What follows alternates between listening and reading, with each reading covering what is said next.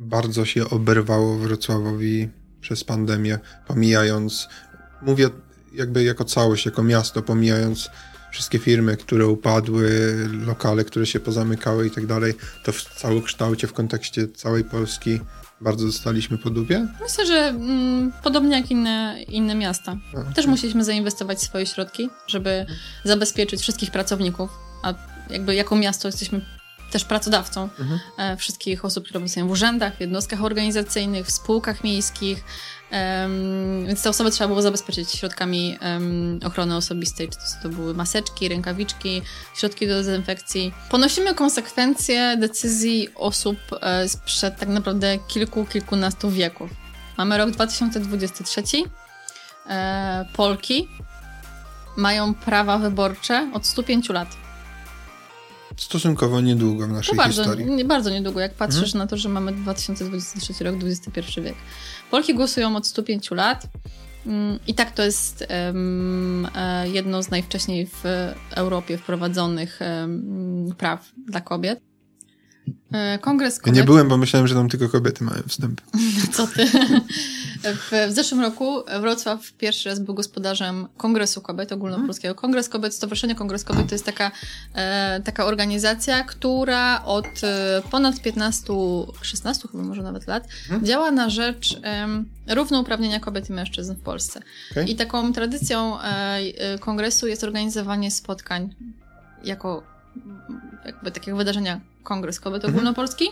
I to jest przestrzeń najczęściej na dwa dni, gdzie spotykamy się, debatujemy na różne tematy w gronie kobiecym, o kobietych, o sprawach, które dotyczą kobiet, ale ogólnie o sprawach, które dotyczą całego społeczeństwa, bo to nie jest tak, że Kongres Kobiet zajmuje się tylko prawami kobiet.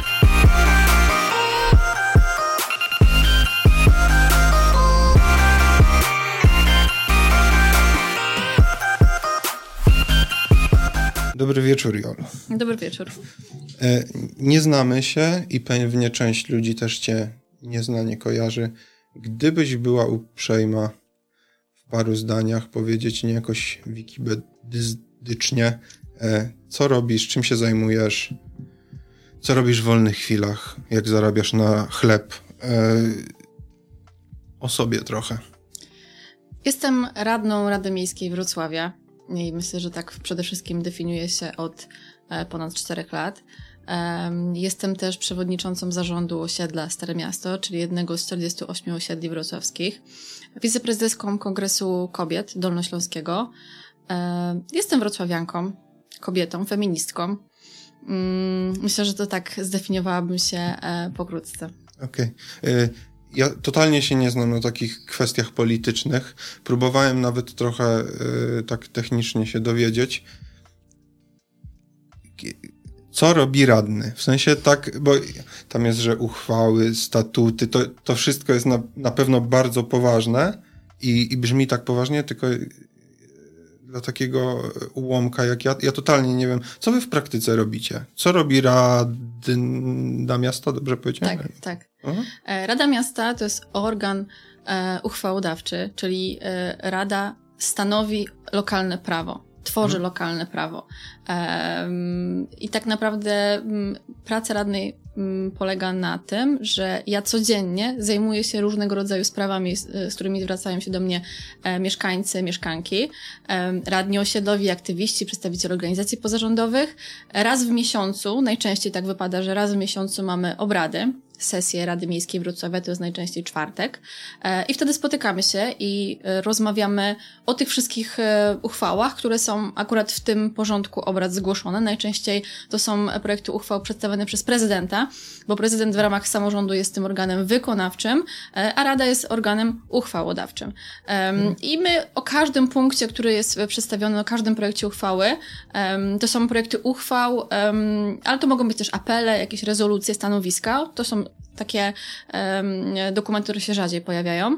Um, I my e, spotykamy się, rozmawiamy o nich i głosujemy. Przed e, radą e, zawsze w tym tygodniu, powiedzmy, sesyjnym, my to tak nazywam, że to jest tydzień sesyjny mhm. w czwartki, jest sesja i w tym tygodniu sesyjnym w poniedziałki, wtorki, środy odbywają się komisje. Komisje, czyli takie jakby małe, w małych grupach radni, którzy są członkami i członkiniami poszczególnych komisji, rozmawiają o tych samych projektach uchwał, które są na sesji, z tym, że te debaty są tam bardziej powinny być przynajmniej e, bardziej pogłębione, nie takie, takie nie zawsze są. E, na takie komisje, tak samo jak na sesji Rady Miejskiej mogą przyjść mieszkańcy, przychodzą urzędnicy, którzy referują dany punkt i przedstawiają e, zmiany, które będą wynikały z przy, przyjętego projektu.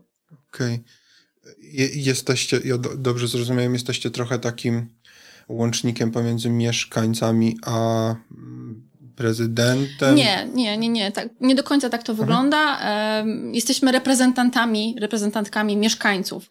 E, okay. to, mhm. to, to bardziej tak wygląda. Mm, władza należy uchwałodawcza do Rady, jako ciała całego.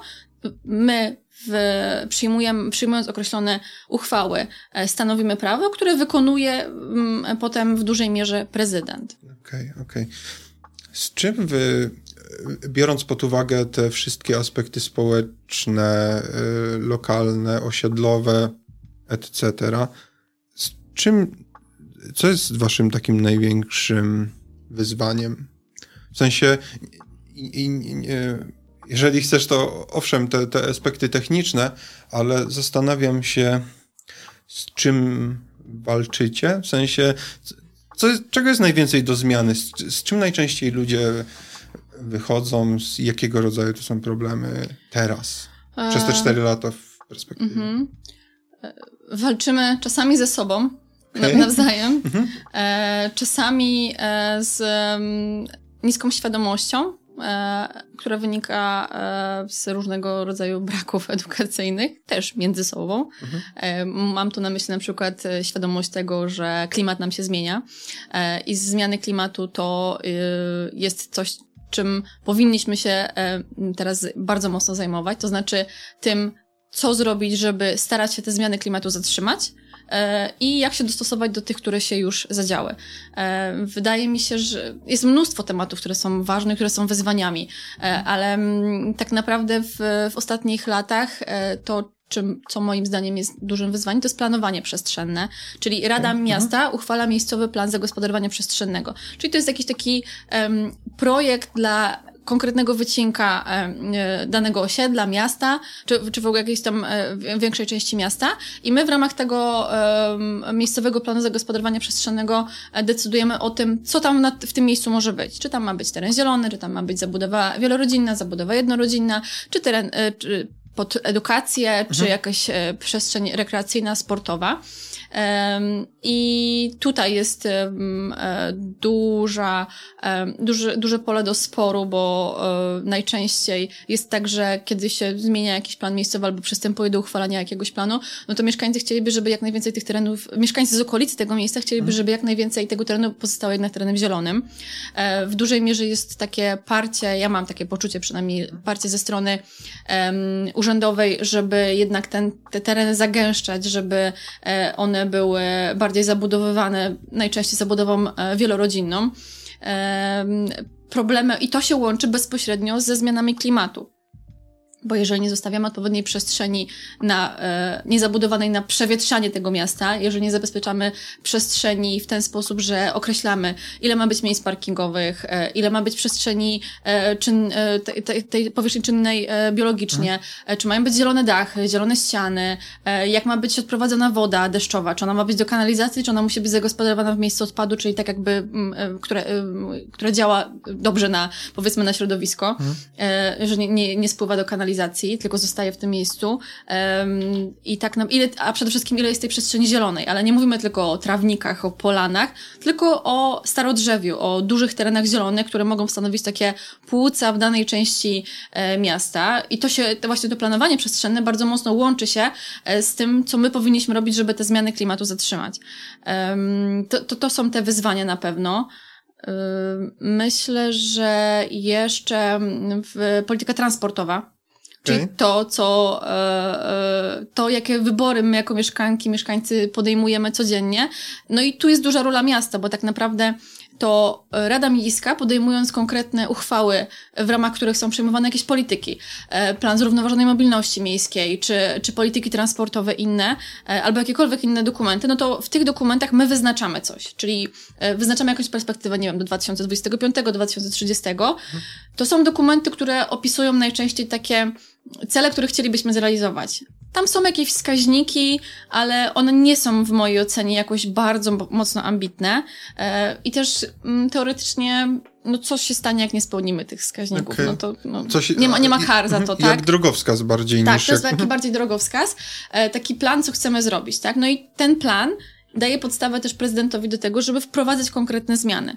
E, no i oczywiście naszym celem jest zwiększenie jak najmocniej udziału transportu publicznego i ograniczenie liczby osób, która będzie się poruszała na co dzień we Wrocławiu samochodem. E, badania, które były prowadzone chyba w 2018 roku pokazały, czy to, czyli to są takie badania jeszcze sprzed pandemii, więc to też może być już teraz zaburzony hmm. obraz, hmm. że do Wrocławia codziennie wjeżdża 250 tysięcy samochodów. Codziennie. Czyli to są okay. ludzie, którzy dojeżdżają spoza centrum e, miasta, e, spoza, przepraszam, spoza mhm. Wrocławia, którzy przyjeżdżają tutaj po prostu do pracy, przyjeżdżają, e, przywożą dzieci do szkoły, przyjeżdżają do pracy i przyjeżdżają samochodem. Więc wyzwaniem nie tylko Wrocławia, ale też wszystkich gmin i powiatów ościennych jest stworzenie spójnej polityki transportowej. To znaczy, że to nie może być tak, że my sobie, a Kobierzycy sobie, a Długołęka sobie, mhm. Tylko no to ich mieszkańcy co do nas przyjeżdżają, korzystają z, z miasta, tak? Użytkują to miasto e, ale do nas wjeżdżają tym samochodem i jednocześnie no, zwiększają zanieczyszczenie, więc powinniśmy zrobić wszystko, żeby mieć spójny transport na poziomie takiej aglomeracji. To znaczy, że ktoś na przykład przyjeżdża do Wrocławia, zostawia samochód na parkingu na tych osiedlach ościennych, i ma tam wykupioną kartę parkingową i na tej karcie wsiada do tramwaju i jedzie dalej do centrum mhm. tramwajem, tak? No ale żeby to się zadziało, to są tak, tak zwane parkingi park and ride i one są mhm. już we Wrocławiu, one powstają sukcesywnie i miasto dba o to, żeby e, tych parkingów było więcej. Zawsze może być ich więcej, wiadomo.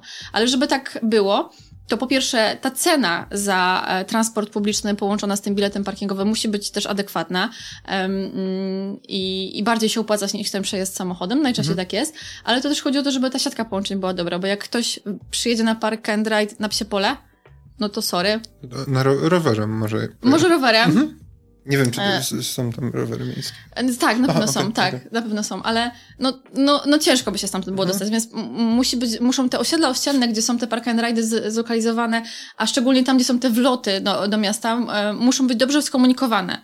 Najlepiej, żeby były tramwajo, e, tam tramwaje, najlepiej jeszcze na wydzielonym torowisku, tak, żeby to nie było tak, że dla mieszkańca to nie ma znaczenia, czy on stoi w tramwaju, czy w swoim mhm. samochodzie, bo on stoi w tym samym korku, tylko że e, latem jest mu e, chłodniej, bo ma klimatyzację, a zimą jest mu cieplej, bo ma własne ogrzewanie i to zupełnie inny komfort jazdy niż tą komunikacją. Więc jakby to też jest duże wyzwanie. Zachęcić mieszkańców do tego, żeby się przesiedli na komunikację miejską albo na kolej. Mm, bo to okay. też jest, to też jest e, duży plus naszego miasta, że mamy dobrze skomunikowaną kolej we Wrocławiu, też z, z miastami czy miasteczkami, które są na terenie Dolnego Śląska. No tylko tutaj dwa lata temu, e, dwa lata temu, tak, już chyba to dwa lata temu było, e, niestety weszły zbyt mocno ambicje polityczne pomiędzy prezydentem a marszałkiem, marszałkiem województwa dolnośląskiego, tak, bo mamy hmm. samorząd na kilku poziomach. I Wcześniej była umowa, która dotyczyła tego, że jak ktoś ma Urban Card wrocławską, mhm. E, to jeżeli tam wykupił specjalny jakby bilet, to może jeździć też tą kartą e, w pociągach. Okay. Czyli mhm. jeździsz na jednej karcie w komunikacji miejskiej pociągiem, czyli przyjeżdżasz do Wrocławia pociągiem, e, wysiadasz na stacji kolejowej i przesiadasz się w tramwaj. E, czy tam w, w, w autobus. No i, mhm. i odpowiednia cena oczywiście e, e, musi do tego być i, ale to jest duże ułatwienie dla ludzi, którzy mm, chcieliby w ten sposób przejść do Wrocławia. Mhm. Jest konflikt od dwóch lat, ponieważ panowie się nie potrafią dogadać co do ceny, mm, są duże okay. rozbieżności, mhm. weszło w to bardzo mocno ambicje polityczne i teraz jest tak, że od dwóch lat to niestety tak już nie można. E, I wielu, oso wielu osobom to odebrało taką możliwość sprawnego przejazdu do Wrocławia, choćby z tych ościennych osiedli, bo z Brochowa ludzie też dojeżdżali często pociągami do centrum miasta, a potem mhm. przesiadali się w komunikację i dalej się poruszali już po centrum komunikacją. Więc to jest wyzwanie na pewno takie duże. Poza, i, I też jednocześnie to, to wyzwanie transportowe też koresponduje z, ze zmianami klimatu, tak? Bo tu mówimy wciąż o ochronie środowiska, czyli o zmniejszeniu liczby samochodów, w mieście um, i, też ma to wpływ na e, ochronę naszego środowiska, więc to jest e, bardzo, bardzo ważne. Okej. Okay. E, od tyłu, bo wyplułaś jak z karabinu mnóstwo ciekawych rzeczy, a bardzo bym chciał, żeby się rozwinęła. 250 tysięcy samochodów wjeżdżających do Wrocławia. Czy my logistycznie, w sensie technicznie, transportowo, parkingowo Wrocław jest przygotowany na zwiększającą się liczbę, tak? Nie, no bo to nie, ta liczba nie może się zwiększać, ona się może tylko zmniejszać. W sensie jakby nie ma odwrotu. Okay. Nie możemy. Nie, znaczy, wydaje mi się, i, za, i to polityki miejskie zakładają, i też ambitne cele wszystkich miast zachodnich, e, myślę, że niemalże w całej Europie już, e, że podróż samochodem e, trzeba m, mm, odkładać coraz mocniej na rzecz e, podróży komunikacją miejską. Mhm. E, nie można, e, nie można poprawiać sytuacji kierowców, e, budując jakieś parkingi ogólnodostępne, bo w ten sposób my w ogóle się tego nie, nigdy nie pozbędziemy, albo zwiększając liczbę e, pasów e, dla samochodów.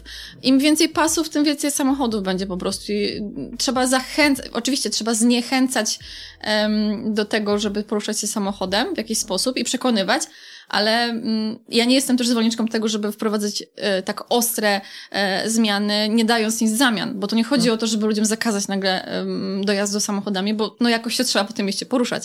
Jak damy alternatywę w postaci właśnie tych, tej sprawnej kolei, sprawnej komunikacji, sprawna komunikacja i ta siatka połączeń jest ważna, ale to też, żeby ta komunikacja była punktualna żeby była no, też estetyczna w jakiś sposób, żeby ta podróż komunikacją była wygodna. To jest e, mnóstwo rzeczy, które trzeba zrealizować. To jest, leży w gestii prezydenta tak naprawdę. Mm, pozyskiwanie środków unijnych, w szczególności na rozbudowę tej komunikacji. Więc e, jakby rozwiązaniem nie jest budowanie kolejnych pasów dla samochodów, ani e, parkingów, żeby te samochody zlokalizować. Trzeba zrobić wszystko, żeby ich jak najmniej wjeżdżało do centrum miasta, jak najwięcej e, zostawało poza na, na obrzeżach, a najlepiej w ogóle, żeby ludzie starali się podróżować komunikacją czy też koleją, tak? Więc um, budowanie parkingów nie jest na pewno rozwiązaniem, e, tym bardziej, że wiemy, że to nie działa, bo ludzie będą chcieli unikać opłat za parkowanie.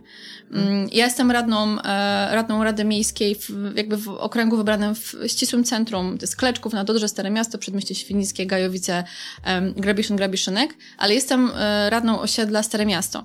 Największy problem, jaki mamy, jeden z największych, bo tych problemów jest dużo, to jest problem z takim patoparkowaniem. Czyli e, ludzie unikając opłat za parkowanie, bo te opłaty nie są e, małe. E, jeżeli dobrze pamiętam, to jest 8 zł za godzinę e, w centrum miasta, w tym powiedzmy w ringu w, w, w, wokół Fosy, w centrum miasta. No i chcą unikać tych opłat za parkowanie, więc wjeżdżają w podwórka, gdzie parkowanie jest za darmo, rozjeżdżając chodniki, rozjeżdżając trawniki, zastawiając ludziom wejścia do mieszkań, e, do kamienic. Jak nie w podwórkach, to gdzieś na ulicach, na obrzeżach ulic, zastawiając znowu jakieś wejścia do lokali, rozjeżdżając e, trawniki przede wszystkim. A tymczasem, jak się spojrzy, parking pod Nowym Targiem mnóstwo miejsc wolnych. Mhm. Parking e, na Galerii Dominikańskiej najczęściej są miejsca wolne. Parking pod NFM-em, miejsca są wolne. Do tego mamy jeszcze parking przy e, ulicy Szewskiej, jest parking pod kinem Nowe Horyzonty, parking przy Kazimierza Wielkiego i jeszcze z tyłu Uniwersytetu przy ulicy Nowy Świat też się znajdzie e, jakiś. Jest I, renoma. O, o jeszcze mhm. mamy oprócz tego renomę, także naprawdę okay. można wybierać, tylko trzeba za to płacić. Okej, okay. bo ja nie, nie, nie, ani nie sprawdzałem jakichś danych statystycznych, ale tak, chyba że jestem totalnie w błędzie, to mnie z niego wyprowadź. Ja mam wrażenie, że samochodów przybywa. To znaczy, wydaje mi się, że ten ruch jest większy niż jeszcze 3-4 lata temu. To jest tylko jakby mhm. moje, moje, wąskie spojrzenie i zastanawiałem się, czy to nie jest tak. Rozmawialiśmy z y, panem Suligowskim na ten temat, bo był u mnie. Y, I tobie też pozwolę sobie zadać pytanie to samo. Czy nie uważasz, że przekroczyliśmy już jakąś taką granicę i w kontekście infrastruktury, i w kontekście komunikacji miejskiej, o której... Granicę, to znaczy? W sensie, że dotarliśmy do takiego momentu, że trochę ciężko będzie to zatrzymać. W sensie, że mm, ja, ja zauważam taką obawę, że może nie być argumentów do tego, żeby kierowców przekonać, żeby się przesiedli na komunikację miejską. Argumenty są w postaci infrastruktury. Jak będzie infrastruktura, to będzie łatwiej przekonać, tak myślę. Okay. Nie znam aktualnych badań, bo tak jak mówię, mhm. te, o których powiedziałam, są z 2018 roku, kiedy robiliśmy um, plan zrównoważonej mobilności miejskiej. Myślę, że pandemia miała na to też wpływ, bo w pandemii były takie hasła, żeby nie podróżować, jakby takie plotki trochę też, no nie podróżuj komunikacją, to wtedy jest mniejsza szansa, że zarazisz się koronawirusem, mhm. tak? Więc to może być takie pokłosie tego, co okay. się wydarzyło wtedy. Um, trudno powiedzieć. Ja myślę, okay. że to nie jest taki... Mm, świadomość zmian klimatu i tego, jak człowiek na nie wpływa, i też świadomość tego, jak zanieczyszczamy środowisko, e, jest coraz większa. Zdecydowanie. Mhm. Coraz więcej ludzi wie, czym są zmiany klimatu i jakby nie kwestionuje tego, że to człowiek e, jakby przyczynił się do nich i człowiek je powoduje. Mm, ludzie mają świadomość tego, czym jest smog i że chcą oddychać czystym powietrzem. No więc jakby to trzeba zrobić, żeby to się wydarzyło, żeby oddychać czystym powietrzem, no to trzeba jakby znaleźć, e, gdzie jest ten problem, mm, który powoduje, że nie oddychamy tym czystym powietrzem. Czyli z jednej strony mamy opalanie mm, e, węglem i opalanie w, w, tak, naprawdę, w, tak naprawdę wszystkim, co mamy pod ręką, jakimiś meblami, mhm. śmieci, gabaryty, wszystko tam wchodzi. E, więc jakby to jest do zmiany, ekologiczne źródła energii i ogrzewania, ale jednocześnie e, no, no, na taką, tak, ta podróż samochodem, która też ma na to mhm. niesamowicie e, duży wpływ. Więc myślę, że to nie jest coś, nie, nie, ja zdecydowanie nie zgodziłabym się, że jesteśmy w takim punkcie, że już trudno będzie przekonać. Nie. Tylko, że, mhm. żeby przekonywać, trzeba mieć argumenty. No bo hmm. wiesz, jak powiesz, e, teraz się powinniśmy przesiąść na samochody. Na, na przepraszam, na, na komunikację miejską. Hmm. Okej, okay, a dlaczego? No to daje okay. argumenty, tak? No jakby argumentem pierwszym e, było to, że podnieśliśmy opłaty za parkowanie w centrum miasta, bo to się wydarzyło na początku tej kadencji i ja byłam jak najbardziej za, po to, żeby zachęcić ludzi, żeby się z tych parkingów przy ulicach przenieśli na te parkingi komercyjne właśnie pod NFM-em, pod e, Nowym Targiem i tak dalej. Tam niech sobie te samochody stoją, a niech ulice, jak chodniki będą dla pieszych. Znaczy, do tego służą chodniki, do chodzenia. Mhm. Nie do tego, żeby zaparkowane tam były e, te nasze święte krowy. E, jest taka grupa wrocławskie święte krowy, gdzie e, mieszkańcy, którzy dbają o przestrzeń właśnie wspólną, bo to jest nasza przestrzeń wspólna, pokazują, jakie są właśnie przykłady patoparkowania. Mhm. E, bo no, to, taki prosty jest przykład. Jak kupujesz sobie lodówkę, no to starasz się ją ulokować we własnym mieszkaniu, gdzieś w przestrzeni. Nie oczekujesz, że ktoś na chodniku postawi ci, albo kupisz jakiś duży sprzęt, który ci nie mieści w mieszkaniu. E, to taki może być głupi przykład dla kogoś, ale no, nie wystawiasz jej i nie zajmujesz przestrzeni na chodniku, wyznaczając sobie najczęściej jakimś słupkiem nielegalnie. To jest mój kawałek, nie? Przecież to jest to, co mamy przed budynkami, to w większości teren wspólny, nasze wspólne dobro. E, więc jeżeli chcesz zająć ten kawałek, dla siebie wyłącznie, no to za niego zapłać, tak jak się płaci właśnie za to parkowanie przy, przy, e, przy ulicy. No najczęściej właśnie takie parkowanie na chodniku, na parkowanie w podwórkach jest bezpłatne, więc jakby ktoś, ktoś myśli, że szukał system, bo znalazł super miejsce i może za, zaparkować za darmo. Więc myślę, że nie jesteśmy w takim momencie, że już będzie nam bardzo ciężko odwrócić to, tylko trzeba mieć dobre argumenty. Tym pierwszym argumentem, tak jak powiedziałam, to było podniesienie opłat za parkowanie. Drugi argument to było rozszerzenie strefy płatnego parkowania z centrum miasta na osiedla takie jak na Dodrze, większa część Obina, część Placu Grunwaldzkiego, Gajowice, Przedmieście Świdnickie, całe już jest niemal objęte strefą płatnego parkowania, czyli wylewamy tą strefę płatnego parkowania poza Stare Miasto, bo do tej pory było tak, że ludzie przyjeżdżali z Starego Miasta, okej, okay, no to wcześniej te trzy to zapłacą jeszcze, teraz już będzie osiem, no to dobra, to staniemy dwie ulice wcześniej, zostaniemy na Pius Piłsudskiego e, albo na Tęczowej, to tam jest za darmo. No i jakby te samochody dojeżdżały do centrum, ale kawałek mhm. wcześniej stawał. No to mieszkańcy, a najczęściej rady osiedli z tych, z tych osiedli mówili, ej, hola, hola, bo tutaj nam się zaczął jakiś spęd samochodów robić, które przyjeżdżają mhm. do was do pracy, do tych biurowców. Też chcemy strefy płatnego parkowania. Okay. Też chcemy to uporządkować. I tym sposobem E, tak się stało po tych kilku latach, że coraz więcej osiedli zlokalizowanych w centrum miasta po prostu zaczęło wnioskować i to już e, uchwałę w, ty, w tym zakresie zmienialiśmy chyba w, tym, e, w tej kadencji dwa albo trzy razy i kolejne osiedle zostały objęte strefą płatnego parkowania. E, to jest cena dużo niższa niż w ścisłym centrum, bo to jeżeli pamiętam, to będzie mm, chyba 3 zł za godzinę. E, I to parkowanie nie jest takie na Starym Mieście codziennie od 8 e, do 20, tylko od poniedziałku do piątku, jeżeli dobrze pamiętam, i chyba do 18. Mogłam teraz coś pokręcić, ale... Um, Takich roboczych godzinach. Tak, mhm. tak, bardziej. Chociaż uważam, że to parkowanie powinno być przynajmniej na Starym Mieście płatne um, przez całą dobę. Tak naprawdę. No i e, te osiedla o to wnioskowały i tak jak powiedziałam, e, strefą formalnie objęte też jest Kleczków, e, Szczepin, ale tam jeszcze rady nie zawnioskowały o postawienie parkomatów, czyli formalnie te osiedla są w, jeszcze w chyba, mhm. są w strefie płatnego parkowania, ale umowa wtedy z radami osiedli, pomiędzy urzędnikami i też pomiędzy radnymi miejskimi była taka, ok, obejmujemy te wszystkie osiedla, które to zawnioskowały strefą płatnego parkowania, ale to od was Rady Osiedla będzie zależeć, czy te miejsca parkingowe płatne powstaną. Czyli jak do Was się mieszkańcy zwrócą i Wy podejmiecie wspólnie z nimi decyzję, że chcemy, żeby te miejsca były tutaj płatne, no to macie już taką możliwość, bo jesteście w uchwale. No i wtedy też jest cała procedura, bo miasto musi e, zakupić te parkomaty, trzeba mhm. zmienić organizację ruchu, bo wtedy trzeba wymalować te um, um, znaki poziome, um, postawić te pionowe, więc jakby zabezpieczyć skrzyżowania. To, to, to jest trochę pieniędzy też na to trzeba wydać. Mhm. I jeszcze jakby argumentem w tym było to, że pieniądze, które zostaną jakby zarobione y, w, w ten sposób, to znaczy odejmujemy to, co trzeba wziąć na utrzymanie systemu, mhm. a to, co zostanie zarobione jakby z tej strefy płatnego parkowania, to zostanie przeznaczone na to osiedle, na remonty chodników, okay. dróg rowerowych i tak mhm. dalej, żeby, żeby jakby było z czego e, remontować tą infrastrukturę, która już została zdewastowana, niestety. Mhm. E, bo tak w dużej mierze jest, że te chodniki są po prostu porozjeżdżane e, w, w wielu miejscach i to widzimy nawet na podwórkach. Przykład podwórka przy ulicy Ofiar Oświęcimskich, przy przejściu Grotowskiego. Samo centrum miasta. Wyremontowane kilka lat za kilka ładnych milionów. E, rozjechane w pył po prostu, bo nie ma szlabanów, jest teren otwarty. Wszyscy mhm. myślą, że mogą zaparkować. W szczytowym momencie tam było ponad 100 samochodów zaparkowanych. Po prostu na kilka rzędów kartki pozostawiane że, z numerem telefonu, że jak ktoś, jak chcesz, żeby Wyjechać. ktoś ci odjechał, tak, to wiesz, trzy samochody odjeżdżają, żebyś wyjechał, nie? Okay. Więc teraz tam jesteśmy już y, po kilku latach rozmów z zarządcami budynków, przede wszystkim z zarządem zasobu komunalnego, który bardzo mocno wspiera nas, y, nas czyli mieszkańców Rady Osiedla w tych działaniach.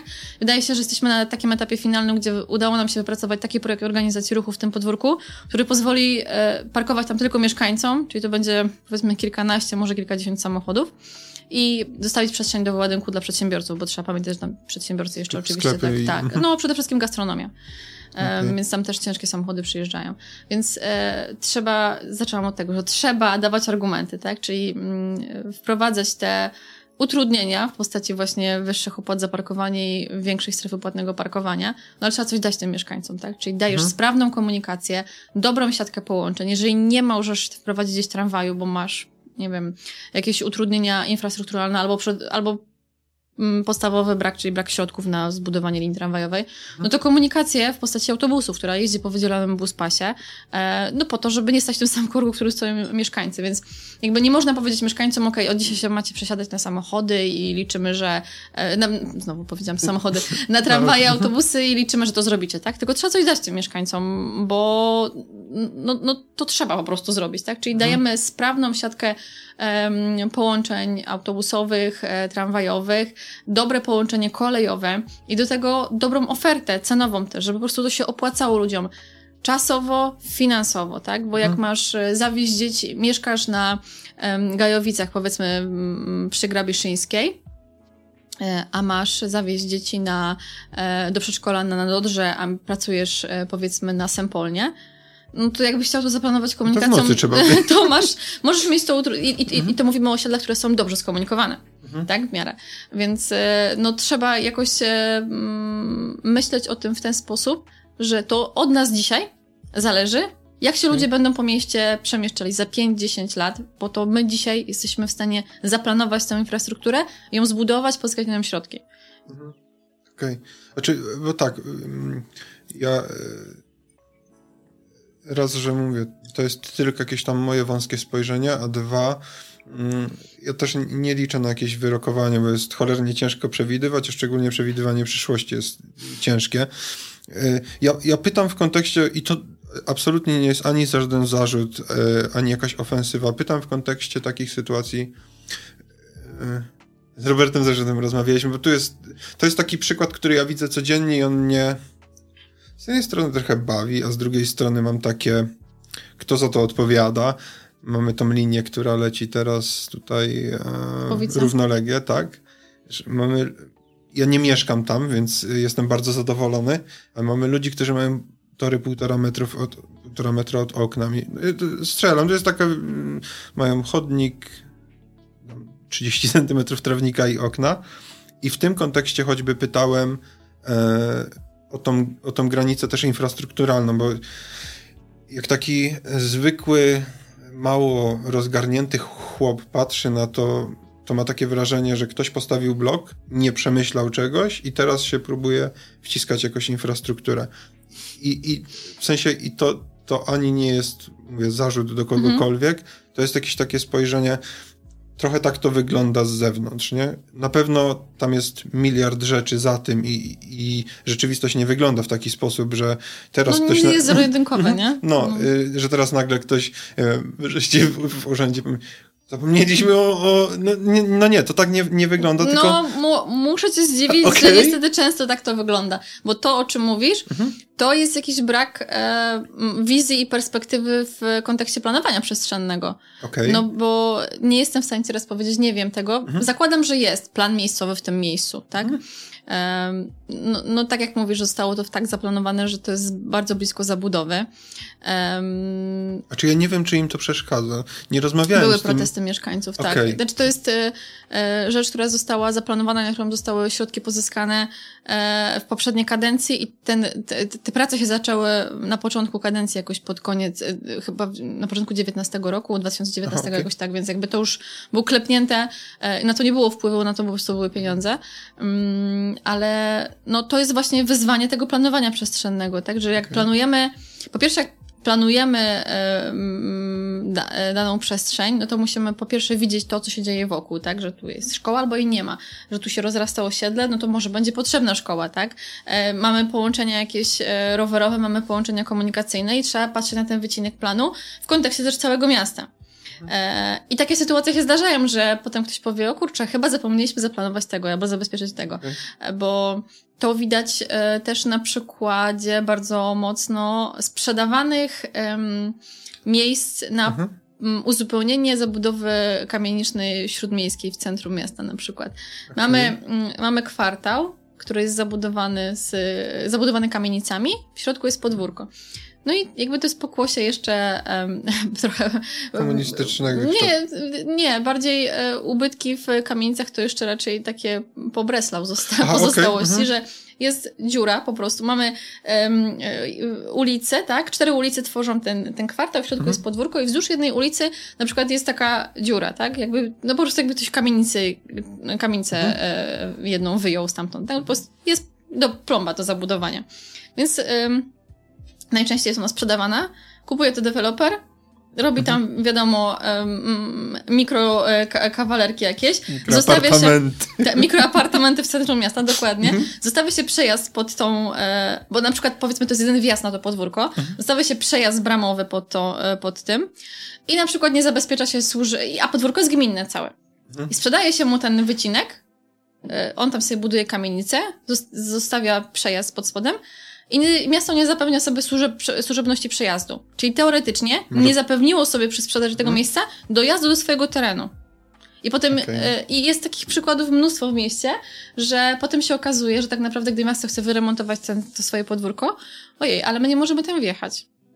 Nie dość, że nie możemy wjechać, bo nie mamy prawa, mhm. to jeszcze ten przejazd jest tak mały, że żaden sprzęt tam nie wjedzie do remontu. Okay. Ola Boga i co mhm. teraz? Na ko Kościuszki jest też taki e, w środku, e, e, zawsze podziwiałem, byłem tam swego czasu dosyć często, jak tam śmieciarka wjeżdżała, tam z każdej strony jest samochód i oni nie wjeżdżali nigdy do końca. Tylko wytarg musieli tak, targać na tak, kubu. Tak, wyciąga. Znaczy wiesz co, powiem ci tak, ja, ja ja to kupuję, co mówisz, totalnie. I kupuję też te mm, rzeczy związane z transportem.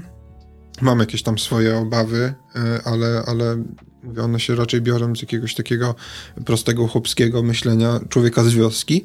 Natomiast jak sobie zderzam to na przykład z rzeczami pokroju um,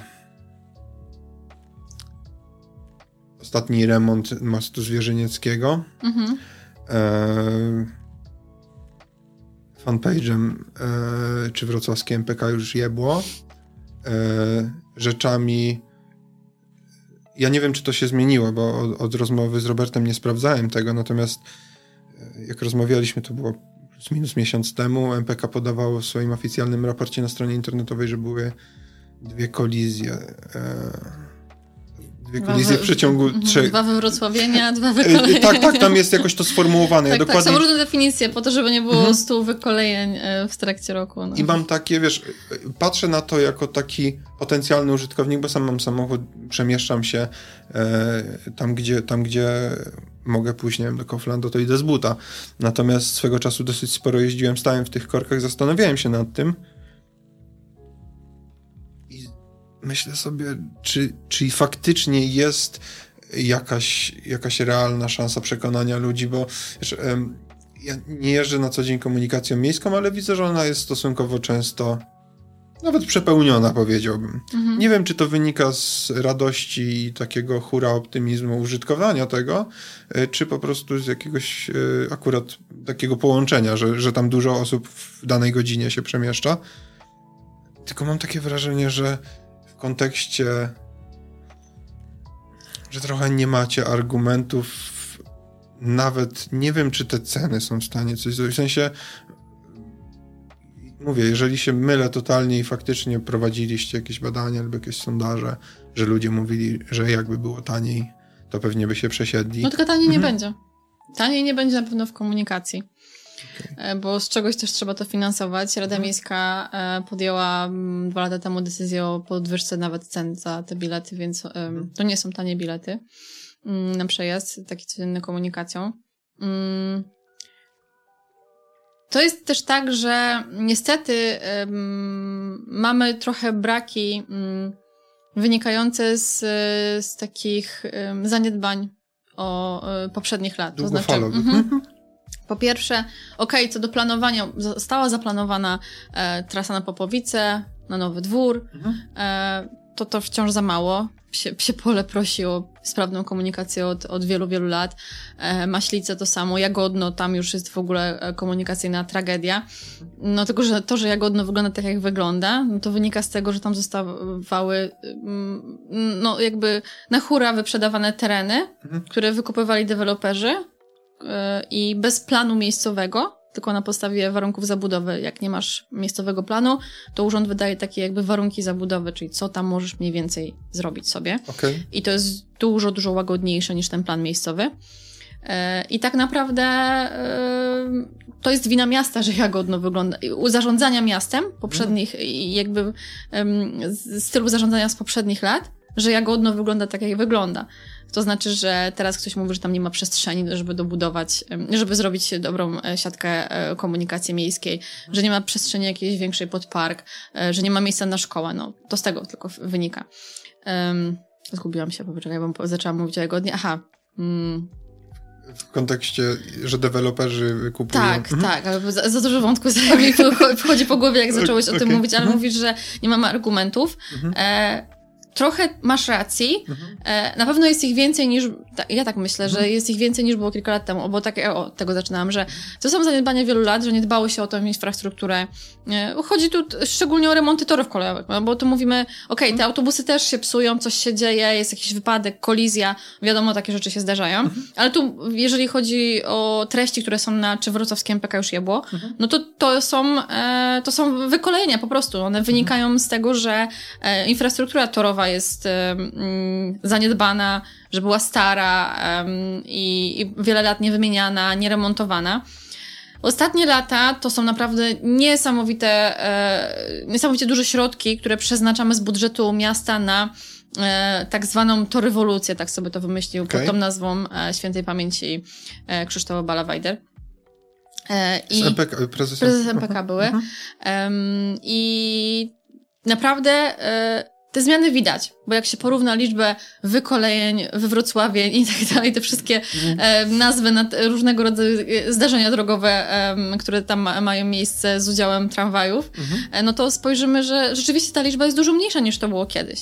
E, no ale żeby mm, jakby przerwać tą e, taką złą opinię i e, taki utarty, mm, utarty pogląd, że, że wrocławskie MPK to się spóźnia, że jest mało komfortowe, że mm, tramwaje kursują rzadko i tak dalej, i tak dalej, czy autobusy. I żeby odwrócić ten trend żeby pokazać, to tego się nie da zrobić w parę lat. Mhm. E, dlatego w dużej mierze masz rację, że argumentów jeszcze jest niewystarczająco dużo mhm. i to, to, wynika z tego, że są osiedla, które są w ogóle nieskomunikowane dobrze, niektóre, do który, na które nie dojeżdża tramwaj, a gdzie autobusy stoją w tych samych korkach, w których stoją samochody, bo nie mają wydzielonych buspasów. Jest to racja, że jest jeszcze wiele wykolejeń i ta infrastruktura torowa w wielu miejscach się nadaje wciąż do remontu, ale to się zmieniało w ostatnich latach bardzo mocno i był duży nacisk na to, żeby wyremontować tory, to się poprawiło, ale to jest niewystarczające, tak? Na pewno niewystarczające. Znaczy, bo ja, ja, też nie powiedziałem o tym w kontekście, wiesz, to jest ani nie powiedziałem tego w kontekście, żeby was jakoś rozwijać. A ja tego tak nie, nie odbieram, nie spokojnie. Ja wiem, jakby... że to są za, zaszłości. To, że dzisiaj mamy takie tory, to pewnie przez decyzję podjęte 20-25 czy no, nawet... Może trochę mniej, okay. ale, e, ale tak, e, tak, tak, tak mhm. było. Ja też to nie, odbiega, nie odbieram tego personalnie, bo mhm. jakby też e, potrafię spojrzeć na takie rzeczy obiektywnie, gdybym czuła, że przez moje decyzje e, e, mieszkańcy ponoszą tego rodzaju konsekwencje, to potrafiłabym się do tego przyznać, bo jakby staram się być takiego rodzaju polityczką, która e, nie nawija makaronu na uszy mhm. i jak coś zrobi źle albo podejmie taką decyzję, potrafi ją argumentować, tak? Albo przyznać się do błędu, że tak, zagłosowałam za czymś i dzisiaj już na przykład, nie wiem, rok temu Jakiś mhm. przykład podaję, mhm. a dzisiaj już bym tego nie zrobiła. No, jakby mam też prawo się mylić, chociaż staram się tego, e, stara, staram się podejmując decyzje w imieniu mieszkańców tego nie robić, nie żałować tego i jakby pytać wcześniej też osoby w, z danej branży, z danego tematu, co one o tym sądzą w ogóle. Okej, okay. no. I, i, teraz mi się trochę, ja wcześniej by, być może niekompletnie powiedziałem, teraz jak, jak sobie pomyślę o tym, ile musicie nadrobić i naprawić rzeczy związanych z zaszłościami. I... Tak zawsze jest, wiesz? To myślę, że... Okej, okay, ale w, w kontekście takim, że to potrwa, plus przychodzi gdziekolwiek w dowolne miejsce i tu też na narożniku mamy bardzo ciekawy przykład. Przychodzi e, człowiek, który ma trochę więcej szmalu i stawia coś takiego. E, znaczy w sensie to są fantastyczne mieszkania, y, mikroapartamenty. I e, młodych ludzi przybywa. Mhm. E, teraz chyba w ogóle mam takie wrażenie, że jeszcze więcej ciągnie ludzi do Wrocławia. E, I mam wrażenie, że może tak się zdarzyć. Ja nie wiem, próbuję jakoś gdybać. Nie jestem Nostradamusem, ale wyobrażam sobie taki czarny scenariusz, w którym w momencie, w którym ilość na przykład samochodów się zwiększa, ilość budowanych miejsc, e, w sensie budynków deweloperskich się zwiększa, a wy nie nadążacie nadrabiać tych e, kłopotów, z którymi się na, na bieżąco musicie że wiesz, to jest tak, borykać. że po, po, pierwsze nadrabiamy jakieś zaszłości, czyli tak mhm. remonty e, w, e, i środki, które inwestujemy w infrastrukturę, tą związaną z komunikacją mhm. miejską, ale wiesz, ja zaczynając kadencję, tę kadencję w 2018 roku, to byłam sfokusowana na rzeczach, które obiecałam mieszkańcom, na których się z nimi umówiłam. Obiecałam, że będę walczyła o to, o to i o tamto. I nagle rok później jest pandemia, która nam wywróciła mhm. wszystko do góry nogami. Po pierwsze, mm, e, trzeba było um, ograniczyć wydatki w różnych miejscach, zainwestować w zupełnie inne rzeczy, bo masz szkołę, masz e, domy pomocy społecznej, e, pracowników socjalnych, których musisz zabezpieczyć, tak? Gdzie mhm. masz mieszkańców, gdzie masz no, pracowników w ogóle wszędzie, tak? I musisz nagle zainwestować mnóstwo pieniędzy w środki ochrony osobistej zabezpieczyć te miejsca. E, kryzys związany z tym, e, który się pojawił też w gospodarce, e, przedsiębiorstwa, które padały, którzy, też wsparcie dla przedsiębiorców, którzy wynajmowali komunalne, w, komunalnych, w komunalnym zasobie jakieś miejsce na lokal gastronomiczny, a nie działają, więc jakby był cały pakiet ulg dla przedsiębiorców, na najem przestrzeni pod ogródki gastronomiczne, wynajem przestrzeni w ogóle na działalność w momencie, kiedy nie działali, bo po prostu ustawa im na to nie pozwalała, tak przepisy ogólnopolskie mhm. na to nie pozwalały. Więc jakby weszły takie do tego um, um, trudności. Potem cały kryzys związany, wychodzenie z pandemii, wchodzenie w tryb pandemiczny, wychodzenie takie mhm. było co chwilę, a, na, a potem mamy inwazję e, rosyjską na Ukrainę. Więc jakby mhm. wojna i nagle przyjeżdża do nas um, mnóstwo uchodźców, uchodźczyń z Ukrainy, których trzeba wesprzeć, którym trzeba zorganizować przestrzeń do życia, których trzeba wesprzeć psychologicznie pod kątem pracy, edukacji, nauki języka. I hmm. jakby znowu wszystkie wyzwania trochę schodzą na bok tak. i się skupiamy na tych, które dotyczą ratowania życia i zdrowia ludzi, tak jak to hmm. było w pandemii. I tak naprawdę to znowu pochłonęło, tak jak przy, w, w, w, okresie pandemii, mnóstwo pieniędzy. E, tych pieniędzy trochę tu w tym przypadku do nas spłynęło, bo e, jako miasto dostaliśmy mocne wsparcie z UNICEF-u e, i to było kilkadziesiąt milionów, które wsparły nasz budżet, które mogliśmy przeznaczyć właśnie dla osób, które są w kryzysie na wsparcie psychologiczne, asystentów społecznych, asystentów międzykulturowych, doposażenie szkół, wsparcie dzieci, naukę języka, wsparcie pieczy zastępczej, czyli adopcji też w, w tym. Więc jakby tych środków troszeczkę przyszło, ale mhm. przy tym jednocześnie mamy mm, ograniczenia, które wynikają z tego, co rząd robi, tak? Jakby okay. mniejszy mhm. udział w picie, um, jakby mnóstwo jest rzeczy z poziomu ogólnopolskiego, które spowodowały, że te mm, nasze dochody się uszczuplają e, cały czas. Wciąż nie wiadomo, nie wiadomo, co będzie dalej ze środkami europejskimi, tak? Okay. E, mhm. Więc jakby mnóstwo niewiadomych. E, a tak naprawdę myślenie o tych wyzwaniach wciąż powinno u nas być, ale bardzo mocno angażowało nas myślenie o tym, co jest tu i teraz, czyli pandemia mhm. i wojna w Ukrainie. I to są kwestie, które dotyczą zdrowia i życia, tak naprawdę, mhm. i w jednej i w drugiej sytuacji. Więc e, było to mhm. bardzo trudne, skomplikowane dla mnie na przykład to było coś, w życiu bym takiego scenariusza nie przewidziała, tak? I ja się okay. skupiłam na tym, że tak, będę walczyć o środki na remonty podwórek w centrum miasta, bo to jest to, czym się głównie zajmowałam do tej pory i czym się głównie zajmuję. Mhm. Na remonty chodników, budowę ścieżek rowerowych, placów zabaw, wsparcie dla edukacji, programy społeczne itd., tak itd., tak mhm. a potem się wszystko rozsypuje bo się okazuje, że pieniądze, okej, okay, może i na to były wcześniej, ale teraz powinniśmy je przeznaczyć na zupełnie coś innego. To są wydatki, których w ogóle nie przewidzieliśmy. No, więc jakby okay. wyzwań by było mnóstwo.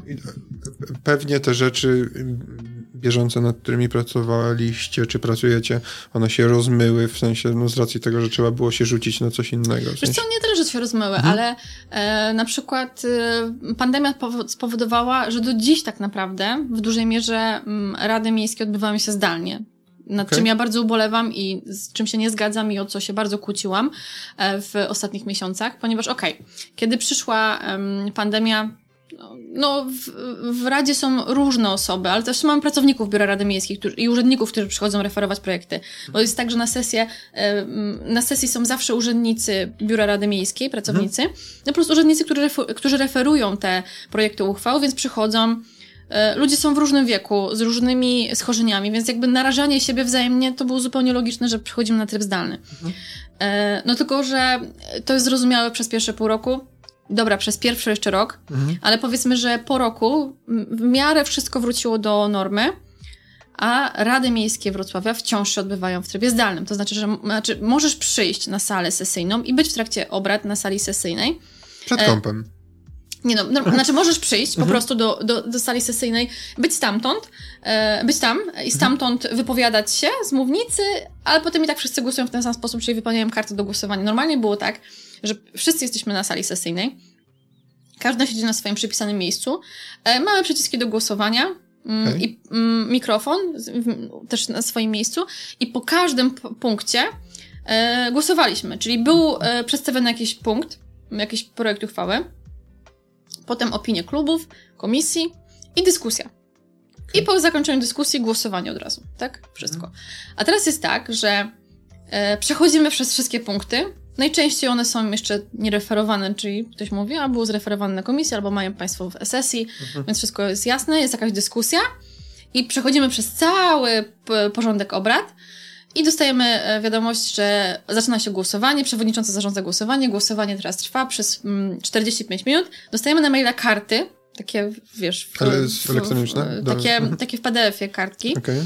E, I tam zaznaczasz, po prostu jest y, napisane ten pierwszy punkt, za, przeciw, wstrzymuje się, za, przeciw, wstrzymuje się. I zaznaczasz to, co tam trzeba, podpisujesz na każdej stronie, skanujesz, jak jesteś w domu, skanujesz i wysyłasz, a jak jesteś na sali to po prostu stajesz tą kartkę, wypełniasz i oddajesz pani. Okay. Jest tak, że Większość osób nie przychodzi na salę, nie musi być na sali. Możesz mhm. być w domu, możesz być na Hawajach i mieć laptopa otwartego, głosować, brać udział. E, To jest nie fair moim zdaniem. Po pierwsze dlatego, że um, za coś te pieniądze jako radni dostajemy. Mhm. To jest raz. Oczywiście nie tylko za przychodzenie na sesję, ale też za codzienną pracę, którą wykonujemy. E, ale jednak przyjście raz w miesiącu na sesję, no naprawdę to nie jest e, wysiłek. Mhm. E, no i debata jest lepsza, jak jesteśmy wszyscy na miejscu. Mhm. Nie przerywa połączenia. Możemy jakby na bieżąco reagować na to, co się dzieje. To, że po każdym punkcie głosowaliśmy, to też zachęcało do tego, żeby mieszkańcy byli tam na tej e, widowni, żeby mogli uczestniczyć tylko w tym punkcie, których obchodzi. Mm, a mm, to też dla mediów było lepiej, bo media się dowiadywały, mm, znaczy wszyscy, tak jak mieszkańcy mhm. i media dowiadują się dopiero na sam koniec dnia, bo te sesje zaczynają się od 10, 11 i najczęściej trwają do 18. A i e, dopiero jak zakończycie, to wtedy okej. Okay. Tak, mhm. a tak to już po od razu było wiadomo, nie? Mhm, Więc mhm. jak mieszkańcy okej, okay, przyszli, zobaczyli, no wiemy jak jest, jaki jest wynik, to musimy iść. To też e, jakby działało, działa w ten sposób, że media dostają cały jakby, mm, e, całą informację o tym, co się wydarzyło na tej sesji, piszą o poszczególnych rzeczach, część dzisiaj, część jutro, część pojutrze, a tak to na bieżąco jakby było relacjonowane to, co się dzieje na sesji. Okay. Um, więc dla mnie to jest, um, nie widzę żadnych powodów, dla których Żeby... mielibyśmy mhm. się zbierać e, online, e, kiedy wszystko działa tak, jak działało do tej pory. Radni chodzą na mecze, radni chodzą na koncerty, radni chodzą do kina, na imprezy, na wszystko, spotykają się w dużych, e, w dużych gronach e, osób, a tutaj się nagle okazuje, że przyjście na salę sesyjną dla kogoś może być problem. To jest po prostu wygoda, wygoda mhm. i moim zdaniem lenistwo w jakiś sposób. No i tak. ja tego nie akceptuję i przychodzę na każdą sesję już od dawna.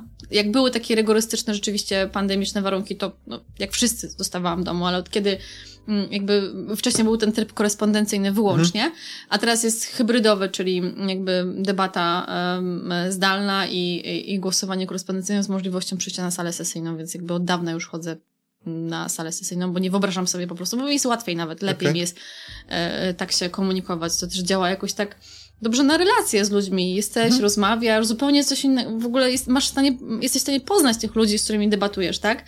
Mm, bez względu na to, z której strony sceny politycznej są. E, I, no i to wpływa na relacje. Fajnie jednak rozmawiać ze sobą, tak? Bo to nie chodzi o to, żebyśmy ja przynajmniej mam takie podejście, żebyśmy nie traktowali się wszyscy jak wrogowie tam na tej sali, bo jesteśmy z różnych stron politycznych, e, tylko żebyśmy potrafili z mównicy na argumenty spierać się i przekonywać się albo się nie przekonywać, ale potem, żebyśmy byli w stanie, wychodząc stamtąd, nie wiem, napić się razem kawy albo herbaty, okay. rozmawiać jak mhm. ludzie, e, bo bardzo nie chciałabym, żeby mm, polityka była postrzegana w ten sposób jako mm, pole do działania jakichś krzykaczy, ludzi, którzy ścierają się ze sobą, nie potrafią ze sobą rozmawiać, no tylko właśnie e, ludzi, którzy widzą w sobie ludzi tak naprawdę, mhm. tak? No polityka polityką, okej, okay, możemy się ze sobą nie zgadzać, ale to nie jest powód, żeby się nie szanować i nie umieć ze sobą rozmawiać i być dla siebie po prostu miłym, empatycznym, jakimś takim troskliwym, no. Okej. Okay. Z ciekawości w kontekście na przykład innych miast. Nie, nie, nie zagłębiałem się, ale teraz jakoś mi się tak urodziło. W kontekście innych miast, nie wiem, Warszawa, Kraków, Trójmiasto. Wszyscy są na sali sesyjnej od dawna. A, okej. Okay. Jestem w takich różnych programach um, jako uh, radna też jakby staram się cały czas doszkalać, podnosić hmm? swoje kompetencje i um, dziękuję. E, jestem w takim programie, który się nazywa Pracownia Samorządowa. On jest prowadzony przez Fundację Batorego hmm? e, i tam do tej pory wszyscy nie mogą wyjść z podziwu, jak ja właśnie e, za każdym razem piszę. Pamiętacie, przypominam, że dzisiaj znowu sesja Rady Miejskiej, e, która hmm? się odbywa w trybie korespondencyjnym. Oni nie mogą wyjść z podziwu w ogóle jak to się dzieje, że my jeszcze cały czas jakby jesteśmy w tym trybie. Wszędzie wszyscy wrócili już w większości do te, tego trybu po prostu normalnego, stacjonarnego, że przychodzimy. Bardzo się oberwało Wrocławowi przez pandemię, pomijając, mówię jakby jako całość, jako miasto, pomijając wszystkie firmy, które upadły, lokale, które się pozamykały i tak dalej, to w całokształcie, w kontekście całej Polski bardzo dostaliśmy po dupie? Myślę, że mm, podobnie jak inne, inne miasta. A, okay. Też musieliśmy zainwestować swoje środki, żeby mhm. zabezpieczyć wszystkich pracowników, a jakby jako miasto jesteśmy też pracodawcą mhm. e, wszystkich osób, które pracują w urzędach, w jednostkach organizacyjnych, w spółkach miejskich, um, więc te osoby trzeba było zabezpieczyć środkami um, ochrony osobistej, czy to, to były maseczki, rękawiczki, środki do dezynfekcji. Um, to są, to były naprawdę olbrzymie pieniądze. E, mamy szkoły, w których dzieci y, są codziennie, więc też trzeba było te miejsca odpowiednio zabezpieczyć. Mamy domy pomocy społecznej, w których mieszkają ludzie po prostu, y, więc starsi, schorowani też bardzo często, którzy też musieli być w odpowiedni sposób zabezpieczeni i osoby, które z nimi pracują. Więc jakby mm, no wydaliśmy mnóstwo pieniędzy, których nie planowaliśmy wydać w ten sposób na pewno. Mm, plus to, że jeżeli plajtują firmy, nie odprowadzają podatku mm, do miasto traci, do miasta, miasto traci na tym, więc... Okay. Ale myślę, że to jest porównywalnie do innych miast, takich jakby pokroju y, y, dużych mhm, miast. Okej, okay. a ta tragedia, która się dzieje na Ukrainie, w sensie mówię o całokształcie więcej dobrego, to brzmi strasznie, ale więcej dobrego przyniosła Wrocławiowi, czy więcej przeszkód? E, Mówiła, wiesz, o napływających ludziach, o... Ciężko mi to ocenić i okay. nie potrafię tego ocenić mhm. w ten sposób. Nie, nie potrafię tego ocenić w ten sposób. E, na pewno e, to nas postawiło przed kolejnymi wyzwaniami. Okay. Finansowe to jest pierwsze, oczywiście, mhm. tak? Bo nagle e, mamy e, dużo więcej mieszkańców. Były takie badania m, mm, robione w zeszłym roku, które wstępnie pokazywały, że już chyba co piąty mieszkaniec Wrocławia to jest osoba pochodzenia ukraińskiego. Okay. Um, I jest też tak, że um, Wrocław jako miasto starał się zapewnić od samego początku miejsca, gdzie ci ludzie mogliby spać, tak? Żeby hmm. to było tak, że te osoby nie lądują na ulicy, nie lądują na dworcach, tylko mnóstwo przestrzeni w mieście zostało przystosowanych jako takie mm, tymczasowe miejsce zamieszkania, zbiorowe oczywiście. Mhm. To były akademiki, porozumieniu z uczelniami. E, to jest e, byłe piąte liceum na Grochowej mm, na Gajowicach, które zostało przystosowane w ciągu niecałego tygodnia, po prostu wysprzątane, szybko wyremontowane, e, gdzie... Ono stało puste? Tak, ono stało puste, było przeznaczone do wyburzenia um, i zostało szybko zagospodarowane jako takie miejsce, które teraz służy po prostu um, i wciąż, tak, cały, cały czas, okay. cały czas tam mhm. mieszkają osoby z Ukrainy, bo te osoby też przyjeżdżają jeszcze, ale um, są też tam już od dłuższego czasu. Często nie chcą wracać, nie mają do czego wracać już niestety.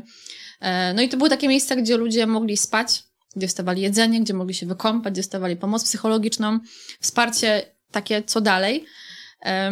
Wiele osób zostało też e, przenoszonych, relokowanych w inne miejsce Dolnego Śląska, ale często wracali do Wrocławia, bo jednak tutaj jest ten ośrodek, gdzie możesz szybciej zdecydowanie znaleźć pracę, pójść, e, posłać dziecko do szkoły. Więc wyzwanie finansowe było, e, wyzwanie finansowe było duże, bo pierwsze masz dużo więcej osób, które gdzieś musisz ulokować.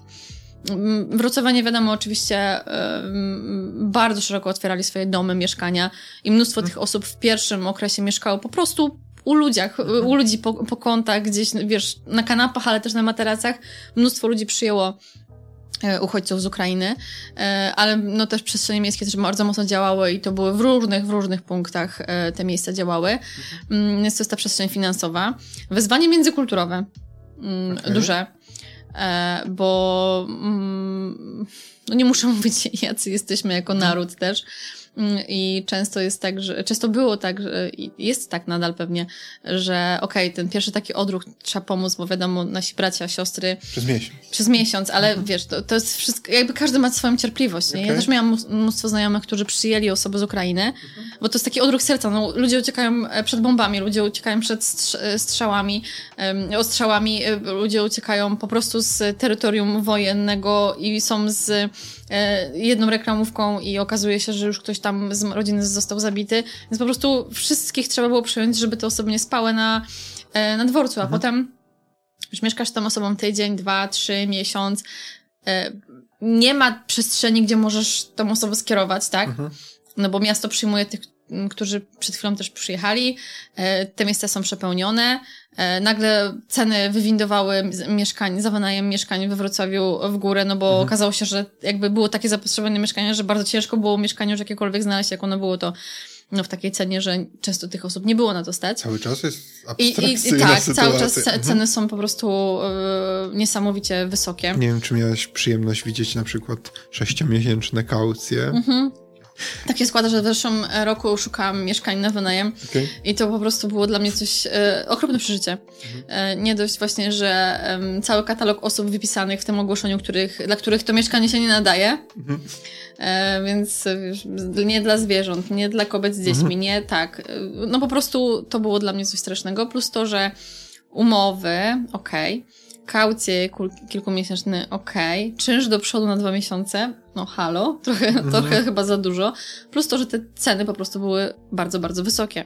Mhm. Mm, I no, ten odruch taki mm, dobrego serca przez kilka pierwszych miesięcy był, a potem zaczęliśmy się wszyscy męczyć. I to jest też normalne, mhm. że ludzie mieszkając pod jednym dachem z obcymi dla siebie osobami, często była też bariera językowa, mm, no, nie wiedzieli, co z tym zrobić, tak więc tu się rodziły też konflikty. Jest tych osób z Ukrainy u nas bardzo, bardzo dużo wciąż. A właśnie, ma, macie jakieś informacje? Ile... Nie mam informacji okay. o tym, jaka, ta, jaka teraz jest statystyka. No te osoby, po, mhm. te kobiety najczęściej są kobiety z dziećmi, oczywiście, mhm. osoby starsze. E, część z nich wróciła, bo znam mnóstwo osób, które wróciły z powrotem e, do Ukrainy bo w ich obrębie miejsce zamieszkania jakby zrobiło się trochę spokojniej. Dużo osób zostało, dzieci poszły do szkoły, one poszły pracować, no ale nie da się nie zauważyć tego, że ta liczba osób z Ukrainy jest dużo, dużo większa niż była kiedyś. Mhm. To jest niestety z uwagi na to, że mamy duże braki też wydaje mi się, takie świadomościowe, edukacyjne, jako my, jako Polki i Polacy, mhm. jesteśmy często pozamykani. Mm, to, to jest duże pole do konfliktów na tle narodowościowym. Mhm. Mm, jakieś hasła, już wielokrotnie słyszałam, że to są osoby, które nam pracę zabierają, że to są osoby, które nam mieszkania zabierają. No nie wiem, e, Polki, że zabierają Ukrainki mężczyzn, a, a wiesz, a, i odwrotnie, tak? Mhm. Więc jakby ja tego nie potrafię zrozumieć. Okay. Jest to dla mnie bardzo trudne mhm. i ale jest to pole do, do jakichś konfliktów. We Wrocławiu robi się bardzo dużo na przestrzeni, na tej przestrzeni właśnie dialogu międzykulturowego. Są organizacje pozarządowe, które działają, które mediują w szkołach, y, których są dzieci polskie, ukraińskie, rosyjskie, mhm. bo to też jest pole do konfliktu. Wiesz, dzieci przynoszą do szkoły to, co im mówią, mówią rodzice w domu, nie? Okay. Więc y, te dzieci też potem nie, nie są świadome tego, o co chodzi. mhm. Oni się między sobą nie różnią, ale przynoszą to, co mówią im rodzice i często jest tak, że ty taki jesteś, a ty jesteś taki. Mhm. Rodzice mają pretensje, że jest za dużo dzieci w klasie, że, mm, że, że materi z materiałem nie idzie się tak szybko, bo te dzieci mają na przykład jakieś braki językowe i to jakby mhm. rzutuje na całą klasę. Problemów jest mnóstwo. Na pewno jako miasto staramy się jakoś temu um, na to odpowiadać. Um, so, tak jak powiedziałam, są organizacje pozarządowe, które mówią o jakby tym dialogu międzykulturowym, które starają się wprowadzić jakieś warsztaty, szkolenia dla nauczycieli, ale też po prostu dla, akty dla aktywistów, dla liderów społeczności lokalnej, po to, żeby pokazać, że to może być dla nas szansa i że to nie jest dla nas zagrożenie. I że po prostu tak wygląda świat, że te granice są jakieś wyznaczone pomiędzy krajami. To są sztuczne, umowne, powiedzmy, granice, one się zmieniają na przestrzeni lat zawsze. E, ale wszyscy jesteśmy ludźmi i każdy z nas zasługuje na szacunek, na troskę, na empatię. Mm, bariera językowa nie jest aż taka duża, w, mm, jeżeli chodzi o osoby z Ukrainy, bo nie oszukujmy się, da się dogadać z osobą tak, z Ukrainy. Zdecydowanie. Naprawdę, więc mhm. e, to jest kwestia naszego podejścia. E, I no, ta, ten brak otwartości często wynika ze strachu, tak? Bo to jakby mhm. to leży u podstawy m, mm, takich uprzedzeń. Jak ktoś jest uprzedzony dlatego, że się boi. Boi się, że ktoś mu coś zabierze, że ktoś coś, że coś przez to straci. Mhm. Jak się to roz, jakby rozbroi, wytłumaczy, pokaże szansę, wydaje mi się, że może być lepiej, ale to jest kwestia też i przyzwyczajenia trochę i też e, no, pracy takiej edukacyjnej, więc to jakby to jest dużo rzeczy do zrobienia jeszcze na pewno. Okay. Ja się uśmiechałem w międzyczasie, bo parę lat wstecz, jak siedziałem w Wielkiej Brytanii, to ja byłem tym, który zabierał pracę i, i Ale tak mieszkania. nie jest po prostu, nigdy tak nie, nie jest. No. Oczywiście, no. w sensie jakby e, no tu jest troszeczkę inna sytuacja, bo dużo osób wpadło. Tylko... No to było, to było takie e, powiedzmy nieprzewidziane mhm. i jednocześnie masz dużą grupę osób, która przyjeżdża w różnym stanie, w różnym wieku, mhm. z różnymi kompetencjami no... Dalej, ja, ja mam... E, cholernie mnie pod to boli, że spora część ludzi dalej ocenia to jest chyba kilka milionów całościowo, które do nas trafiło przez e, pijanego Ukraińca jednego czy dwóch na przystanku. Błagam cię, a Polacy jacy są? Nie, no, no jakby, oczywiście. Bo, to znaczy, jakby patrzeć, to, to jest... bo ktoś gdzieś komuś krzywdę zrobił, no. albo ktoś się okazał, że jechał, nie wiem, ktoś, y, kto jest pochodzenia ukraińskiego jechał po pijanemu Sorry. Polacy nie jeżdżą? Jakby nie, to no. wszędzie jest tak samo, ludzie są różni. I to Oczywiście. bez względu na narodowość są ludzie, którzy popełniają błędy, którzy popełniają wykroczenia, którzy popełniają przestępstwa. I to się dzieje niezależnie od tego, jakiej jesteś narodowości, religii, koloru skóry, um, um, orientacji seksualnej mhm. czy płci. W ogóle to jest niezależne. Ludzie są różni, po prostu. I są ludzie dobrzy i są ludzie źli. I to nie ma znaczenia skąd jesteś i w co wierzysz mhm. i z kim chodzisz do łóżka. Naprawdę. Wydaje mi się jedynie, że to się być może pojawił taki argument na, na horyzoncie tym wszystkim sceptycznym, czy negatywnie nastawionym, bo to była okazja do, do wykorzystania takiego argumentu, że a dobra, to był taki głupia rzecz, ale strasznie mnie to ubawiło, jak to oglądałem. Był taki filmik w internecie latał, gdzie jakiś taki e, nie wiem kim on jest nawet, ale tam się e, mnóstwo wyświetleń zrobiło, gdzie chodził gość po Warszawie i nagrywał samochody z ukraińskimi rejestracjami, takie powiedzmy spółki wyżej, luksusowe i przez ten pryzmat, że oceniał jakby wszystkich, którzy przyjechali. Tak. Nie? Znaczy, wiesz, Tylko wiesz, przed wojną uciekają ludzie biedni i bogaci. Tak, szczególnie, że ci bogatsi, majętniejsi wyjechali szybciej, bo mieli do tego środki, a ci, co musieli... I ci ludzie najczęściej utrzymują się w naszym kraju sami. Aha. Pracują, mają mieszkania i tak dalej, i tak dalej. Wynajmują te mieszkania albo kupują. Zapakowali szmal, wszystko co mieli i przyjechali. I, i to nie jest nic dziwnego. No, przed, ludziom, przed, wo przed wojną uciekają ludzie biedniejsi i bogatsi. E, mhm. Ludzie mniej świadomi i ludzie bardziej świadomi. No, no tak jest I, niestety. I dobrzy. No tak. E, jeżeli to nie jest jakaś tajemnica, ale e, kontekście pandemii, czy na przykład tej e, sytuacji z wojną teraz, ty dostrzegasz, że miasto się czegoś nauczyło na przyszłość? To znaczy, nie mówię o na przykład procedurach, chociaż oczywiście pewnie, jeżeli są jakieś, to, to, mhm. to chętnie posłucham, ale było coś takiego przełomowego, że wam zaskoczyło, że nie wiem, ja nie, nie, nie, nie wieszczę nam jakiejś, jakiejś wielkiej tragedii, ale gdyby się zdarzyła, to czujesz, że jesteście lepiej przygotowani? O, to wiesz, to ciężko to powiedzieć. E, myślę, że ogólnie jako społeczeństwo, ale też przez to właśnie też jako miasto, mhm.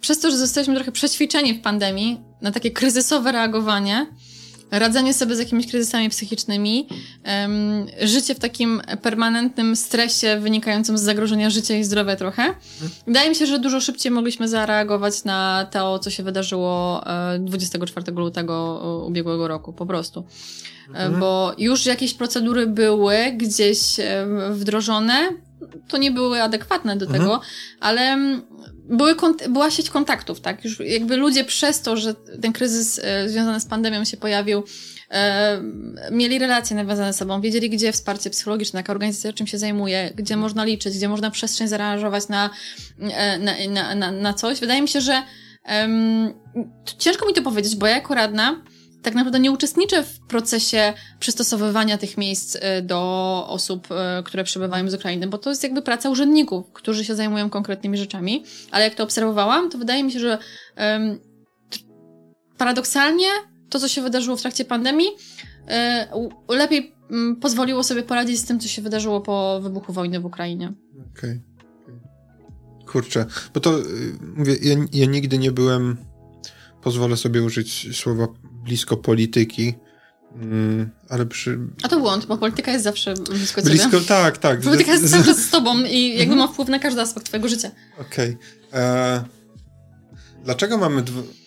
Bardzo serio pytanie. Dlaczego mamy 2023 rok i rozmawiamy o tym, że... Znaczy nie, że teraz i nie, że my, e, ale pojawiają się dyskusje o tym, że kobieta coś tam, a mężczyzna coś tam i nierówności w płacach i że ktoś jest gorszy, a ktoś jest lepszy. No to... I bardzo, bar, naprawdę bardzo serio pytanie. E, ponosimy konsekwencje decyzji osób e, sprzed tak naprawdę kilku, kilkunastu wieków. Mamy rok 2023. E, Polki mają prawa wyborcze od 105 lat. Stosunkowo niedługo w naszej no bardzo, historii. Nie, bardzo niedługo, jak patrzysz mhm. na to, że mamy 2023 rok, XXI wiek. Polki głosują od 105 lat.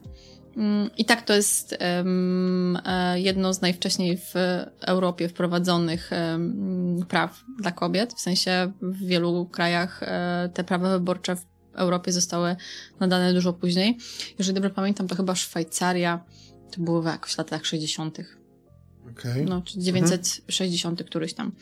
E, więc tak naprawdę mm, kobiety były niedostrzegane w przestrzeni publicznej jako pełnoprawne obywatelki kiedyś e, i były postrzegane przez pryzmat konkretnej roli. No i tą rolą oczywiście było um, znalezienie męża, wzięcie ślubu, wychowanie dziecka, prowadzenie tego dziecka, tak? To było postrzeganie. To było tak, i to od zawsze te kobiety były socjalizowane, czyli jakby takie wychowywane też do konkretnej roli, przystosowywane. I od dziecka były narzucane takie stereotypowe działania. To mhm. za, możemy zacząć od kolorów, tak? Mhm. Niebieski, różowy, od tego, jakie zabawki e, są. E, nie wiem, jak pójdziesz do sklepu i będziesz chciał kupić to, to się zmienia. Okay. I zmieniają się książki dla dzieci już, um, które są równościowe i też zabawki, ale bardzo, bardzo mocno jeszcze widać wciąż te stereotypy i ten podział na role społeczne kobiet i mężczyzn. Mhm. I jak pójdziesz do sklepu, żeby kupić jakąś zabawkę dla dziewczynki, to jeszcze wszędzie będzie ten róż po prostu ci bił po oczach mhm. i to będzie zestaw małej kucharki, zestaw małej sprzątaczki, zestaw małej kosmetyczki, fryzjerki, czyli będzie coś, co ma działać na to, żeby ta kobieta wyglądała po prostu jak ideał z obrazka, jak ta lalka Barbie. Mhm. No i już tu się przyzwyczaja do gotowania, sprzątania, wiesz, deska do prasowania, takie rzeczy, mała kuchenka. Mhm. Pójdziesz na dział do, dla chłopców, no to będziesz miał zestaw małego architekta, chirurga, wiesz, le ogólnie lekarza, jakieś, wiesz, żołnierzyki, autka, inżynier, przestrzeń do budowania, rozwijania kreatywności. Jakby tam nie ma żadnych ograniczeń. Możesz być tam lotnikiem, możesz być chirurgiem, możesz być inżynierem. Budowlańcem. Budowlańcem. Mhm. Tutaj jesteś żoną, matką, piękną kobietą, ewentualnie dziewczynką, która tam, nie wiem, zajmuje się zwierzątkami.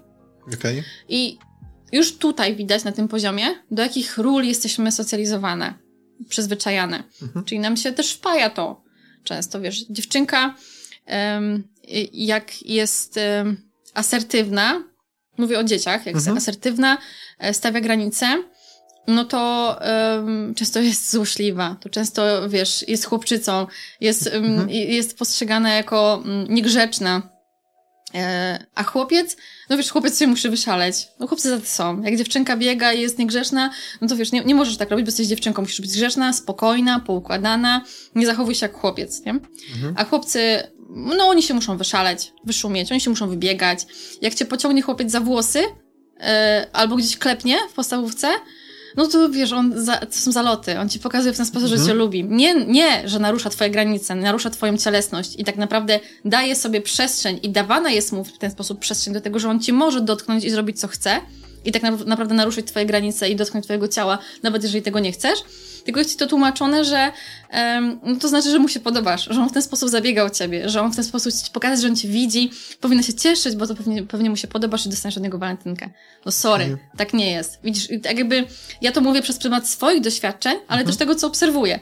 Czyli od samego początku e, już jest ta nierówność. I na to zezwalają e, nauczyciele, nauczycielki w jakiejś też mierze. Mówię mhm. o moich, nie chcę mówić o konkretnych, mhm. y, tylko mówię o swoich doświadczeniach. E, na to często pozwalają rodzice. No i z czego to wynika? No z edukacji, ale też z, z tych braków takich edukacyjnych, które wynikają z wychowania w patriarchacie. Po prostu w systemie, gdzie mężczyźni rządzą i układają wszystko. Wszystko, mam na myśli politykę, bo mhm. tak do tej pory było i jeszcze w dużej mierze jest. A jak politykę, to wszystko. Bo polityka determinuje wszystko, co się dzieje w naszym życiu. No to polityka decyduje o tym, ile jest żłobków, ile przedszkoli, jakie jest wsparcie dla przedsiębiorców, um, jakie prawa przysługują poszczególnym osobom, czy osoby LGBT mają prawa równe do zawarcia małżeństwa, czy też nie, jakie są prawa reprodukcyjne kobiet. Tak naprawdę polityka mhm. wchodzi wszędzie, w każdy aspekt twojego życia, a w Polsce w ostatnich latach nawet do łóżka. Także mhm. i decyduje o twoim zdrowiu i życiu. Całkiem wygodnie im się tam leży. Tak, dokładnie. Mhm. Więc jakby... Ci, którzy nie powinni leżeć z kobietami. Dokładnie. Więc e, wygląda to tak, że... Mm... Przepraszam, i z mężczyznami też nie powinni leżeć, tym bardziej z dziećmi. No nieważne, no. Więc to wygląda tak, że mamy zaniedbania wielo, wieloletnie, wiekowe nawet bym powiedziała. Mhm.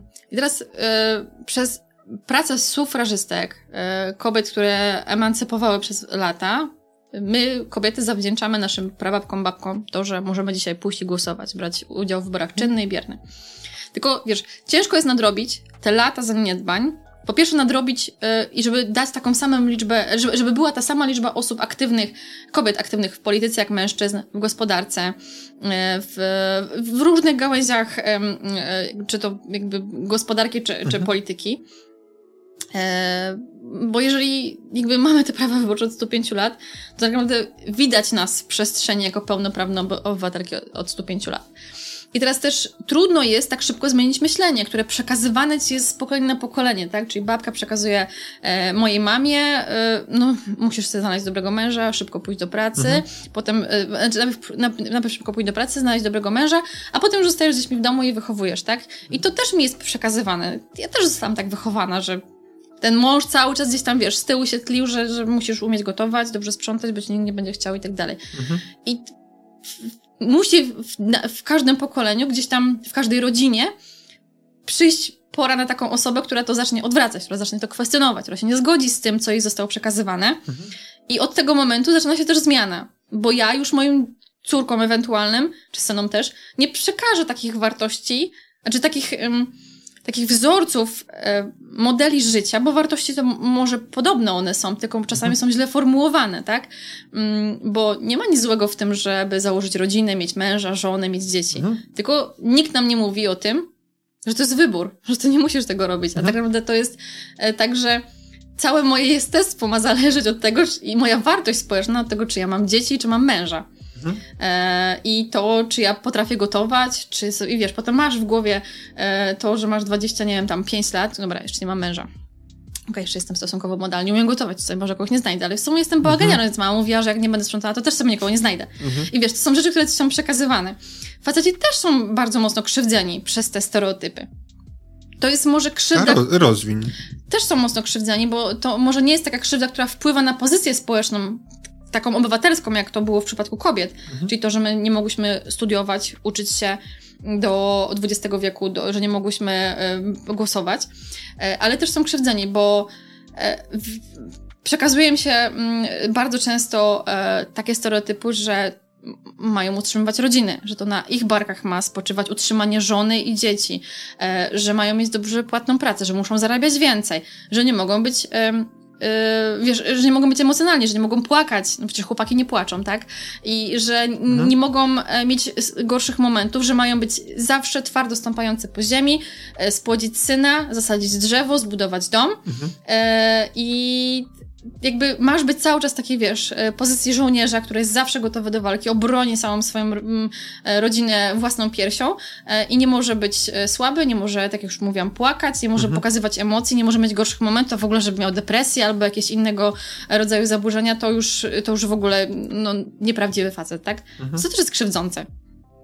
Okay. Bo to tak nie powinno wyglądać. Jakby relacje ludzi, bez względu na to, jakiej są płci, czy związek kobiety i mężczyzny, związek mężczyzny i mężczyzny, związek kobiety i kobiety.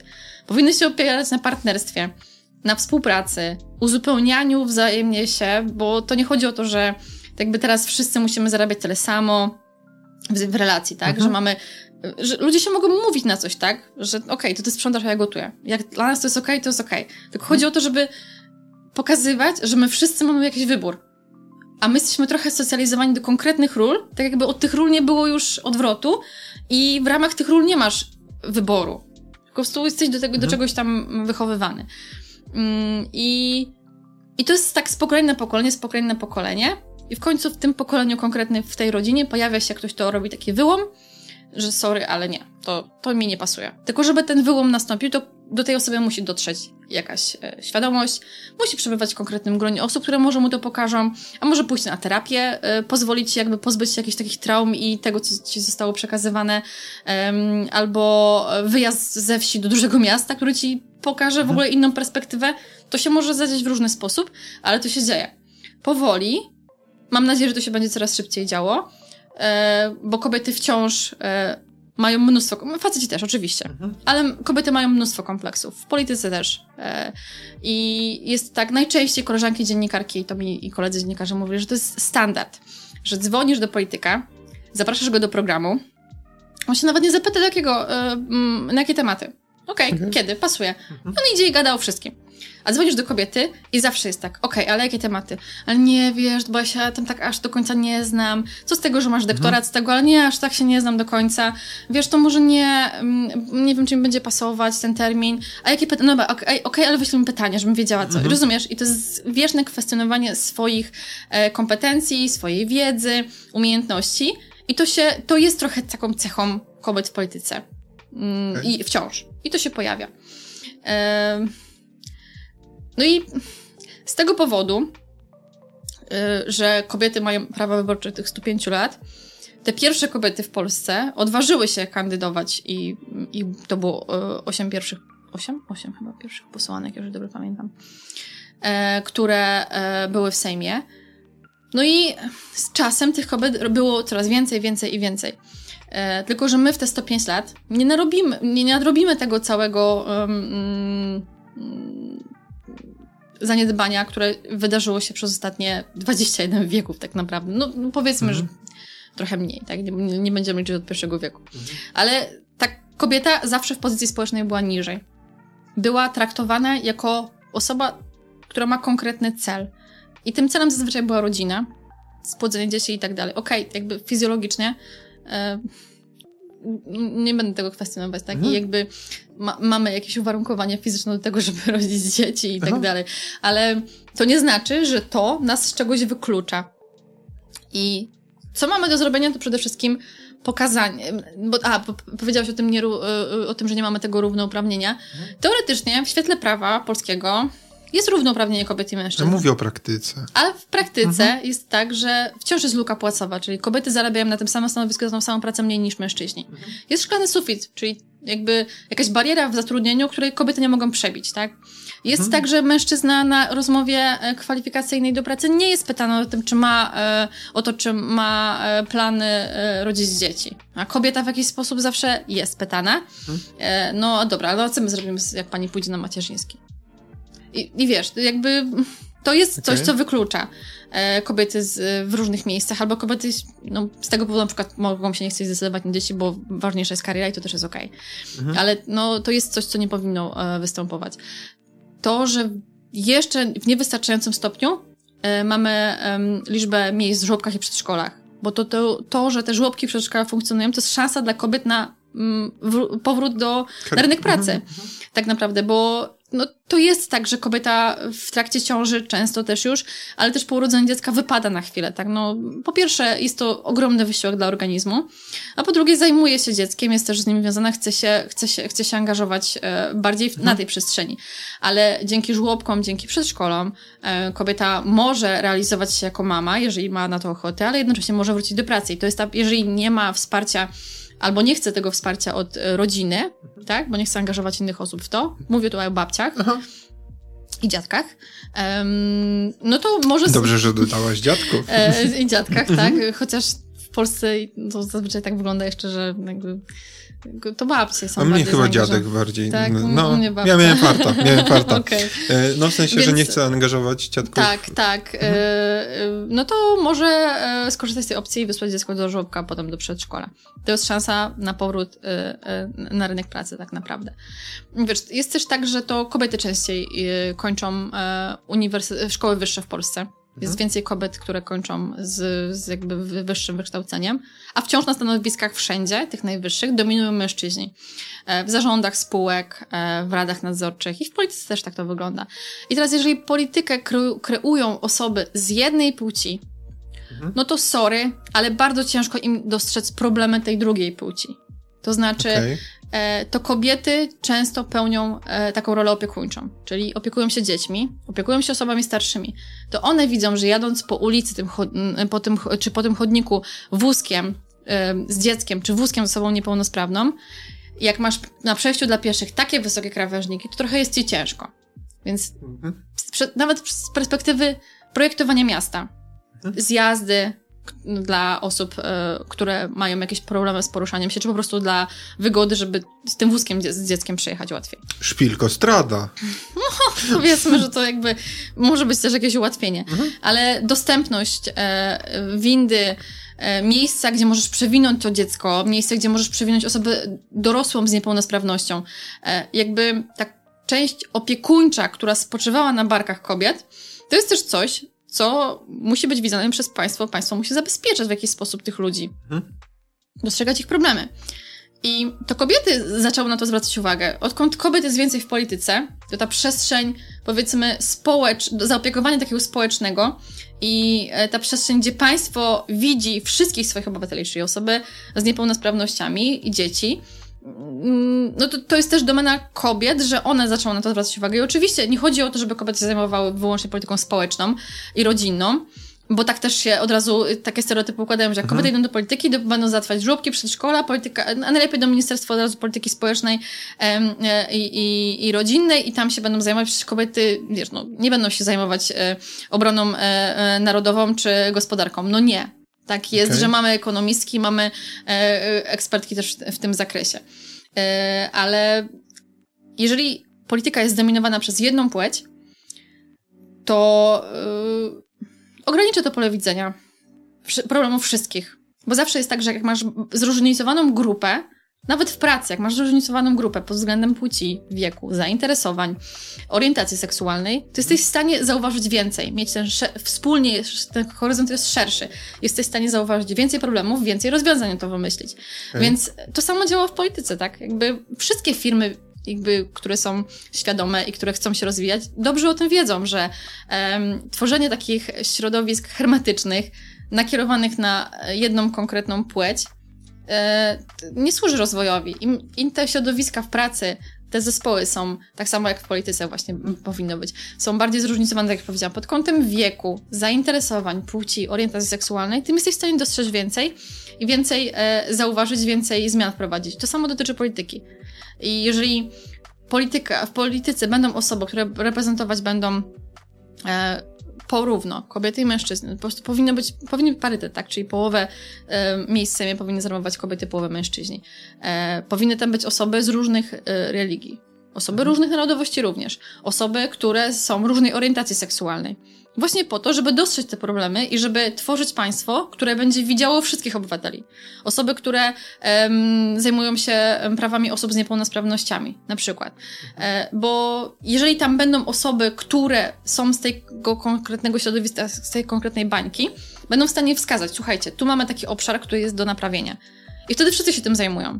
A jak mamy takie zamknięte grono mężczyzn, od wielu lat nie zmieniające się też mhm. często, no to ciężko im dostrzec te problemy. I oni może nawet dostrzegają e, na tych spotkaniach z wyborcami. Ale nie będąc w środku, nie czując na własnej skórze tych problemów, ciężko mieć też potem mm, jakąś motywację do, do tej zmiany, tak? Więc okay. myślę, że im bardziej zróżnicowane jest środowisko, też właśnie w polityce, tym lepiej jesteśmy w stanie stworzyć państwo i system, który będzie widział wszystkich obywateli i obywatelki i będzie no, tworzył warunki do tego, żeby każdy w tym kraju czuł się bezpiecznie i zauważony. I żeby potrzeby jego były zauważane. Ja nie mówię mhm. o tym, że musimy spełniać potrzeby wszystkich osób, bo nie jesteśmy w stanie rozwiązać wszystkich problemów i spełnić potrzeby wszystkich osób. Ale chodzi o to, żeby postarać się dostrzec i spróbować na to jakoś zareagować.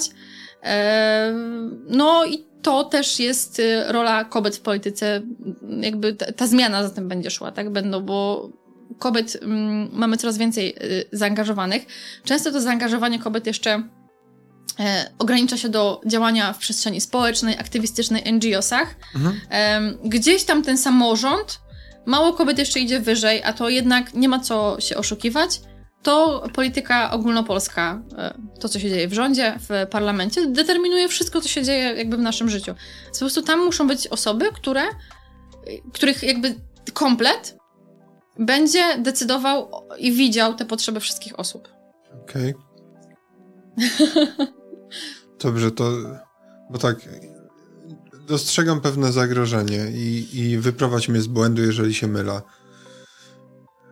Różnorodność środowiska wcale nie gwarantuje otwartości na problemy danego, danej części środowiska. Większa, mm-hmm. większa ilość. E, e, może podam to, spróbuję to jakoś uszyć na przykładzie. Mamy część kobiet w Sejmie działających z różnych stron, w różnych ugrupowaniach, mm, a mimo tego mamy jakiegoś takiego, nie wiem, rosnącego młodego Adolfa Hitlera z prawej strony. Dalej mamy siwego dziadka z drugiej strony. I tacy ludzie funkcjonują, mhm. pełnią poważne funkcje, bo to są poważne mhm, funkcje. Tak, tak. E... I mimo tego, że jesteście, to po pierwsze w ogóle ktoś dopuszcza do takich sytuacji. Ktoś tam mówił, że do garów czy coś. A z drugiej strony Nie wiem, bo ja, ja, rozumiem taką zmianę kulturową, o której powiedziałaś, to znaczy wyprowadzenie myślenia, wyprowadzenie różnego rodzaju zachowań potrwa pewnie lata, o ile się wcześniej nie wykończymy tutaj, w sensie my wszyscy. E, natomiast e, pewne rzeczy, takie jak choćby pay gap, czy nazwy stanowisk, ja słyszałem, że też z tym nawet jest jakiś olbrzymi problem, to są rzeczy, które można prowadzić tak. No można pod warunkiem, że masz większość, która to zrozumie, tak? Większość, która za tym zagłosuje. Okay. I oczywiście jest, e, są kobiety w polityce, hmm. tak? I to od wielu lat. To, to nie jest, jakby to nie jest parytet, nie, nie, mhm. ale w Prawie i Sprawiedliwości też są kobiety, w Konfederacji nie ma.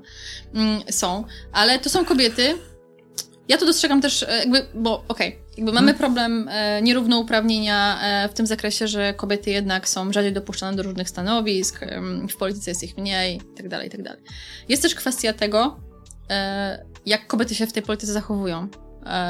I okay. chodzi mi o, o konkretne siostrzeństwo, takie wspieranie się. Mhm. Wiesz, ja dostrzegam duży problem w polityce braku siostrzeństwa, mhm. szczególnie ze strony tych kobiet, które w polityce są od wielu, wielu lat.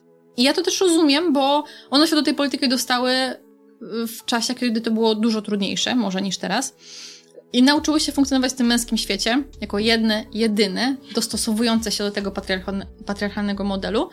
I mm, one widzą współpracę z mężczyznami, nie z kobietami, które stanowią dla nich kon konkurencję w jakiś sposób. Okay. Więc to jest, mhm. to jest z jednej strony trudne, więc może dlatego mm, kobiety, które są w tej polityce od lat, jakoś co mnie bardzo boli, ale mhm. nie czują potrzeby działania na rzecz kobiet, tylko czują potrzebę utrzymania się, mhm. utrzymania się w danym miejscu, bo w momencie, kiedy one były tymi jednymi w partii, jednymi w okręgu, to zawsze sobie to miejsce wy, wytargały na liście i potem zostawały posłankami czy samorządowczyniami. Mhm. A kiedy przychodzi ci do tego, że nagle masz jakby po pierwsze, mężczyźni się muszą posunąć z tych miejsc, będzie ich mniej, ale będzie mhm. więcej kobiet, będziesz musiała walczyć o to, no to ta wygoda, którą miałaś przez lata jest ci zaburzana, więc nie jest to na, na rękę, ale może jej nie jest to na rękę, ale w perspektywie jakby całościowej i patrząc na horyzont obecności kobiet w polityce, to jest, to jest coś, czego potrzebujemy.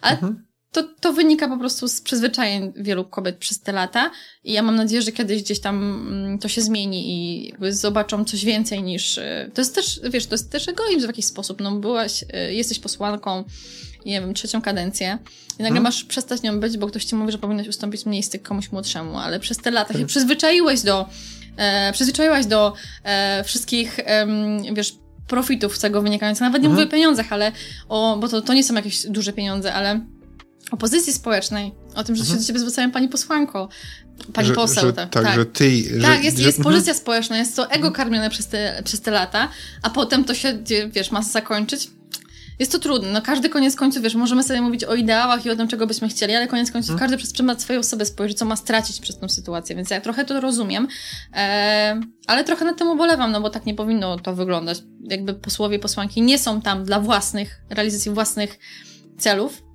takich prywatnych, Mhm. Takich, wiesz, karmienia swojego ego i jakby utrzymywania się na danym stanowisku po to, żeby czuć się ważnym, potrzebnym społecznie, tylko idą tam w imieniu konkretnych ludzi, realizując ich potrzeby, ich postulaty. Okej. Okay. Więc no, no tak, to mhm. powinno, e, tak to powinno wyglądać. Czy to, o, ja kup, kupuję. I, e, i, I, zastanawiam się choćby w kontekście tej polityki. Czasami widzę, e, nie wiem, to zapewne, zapewne twoi koledzy i e, współpracownicy, którzy się wypowiadają na różny temat i jakby bez zbędnego słodzenia, bo nikt tutaj nie ma nikomu, e, nikt nikomu nie wystawia faktury za to.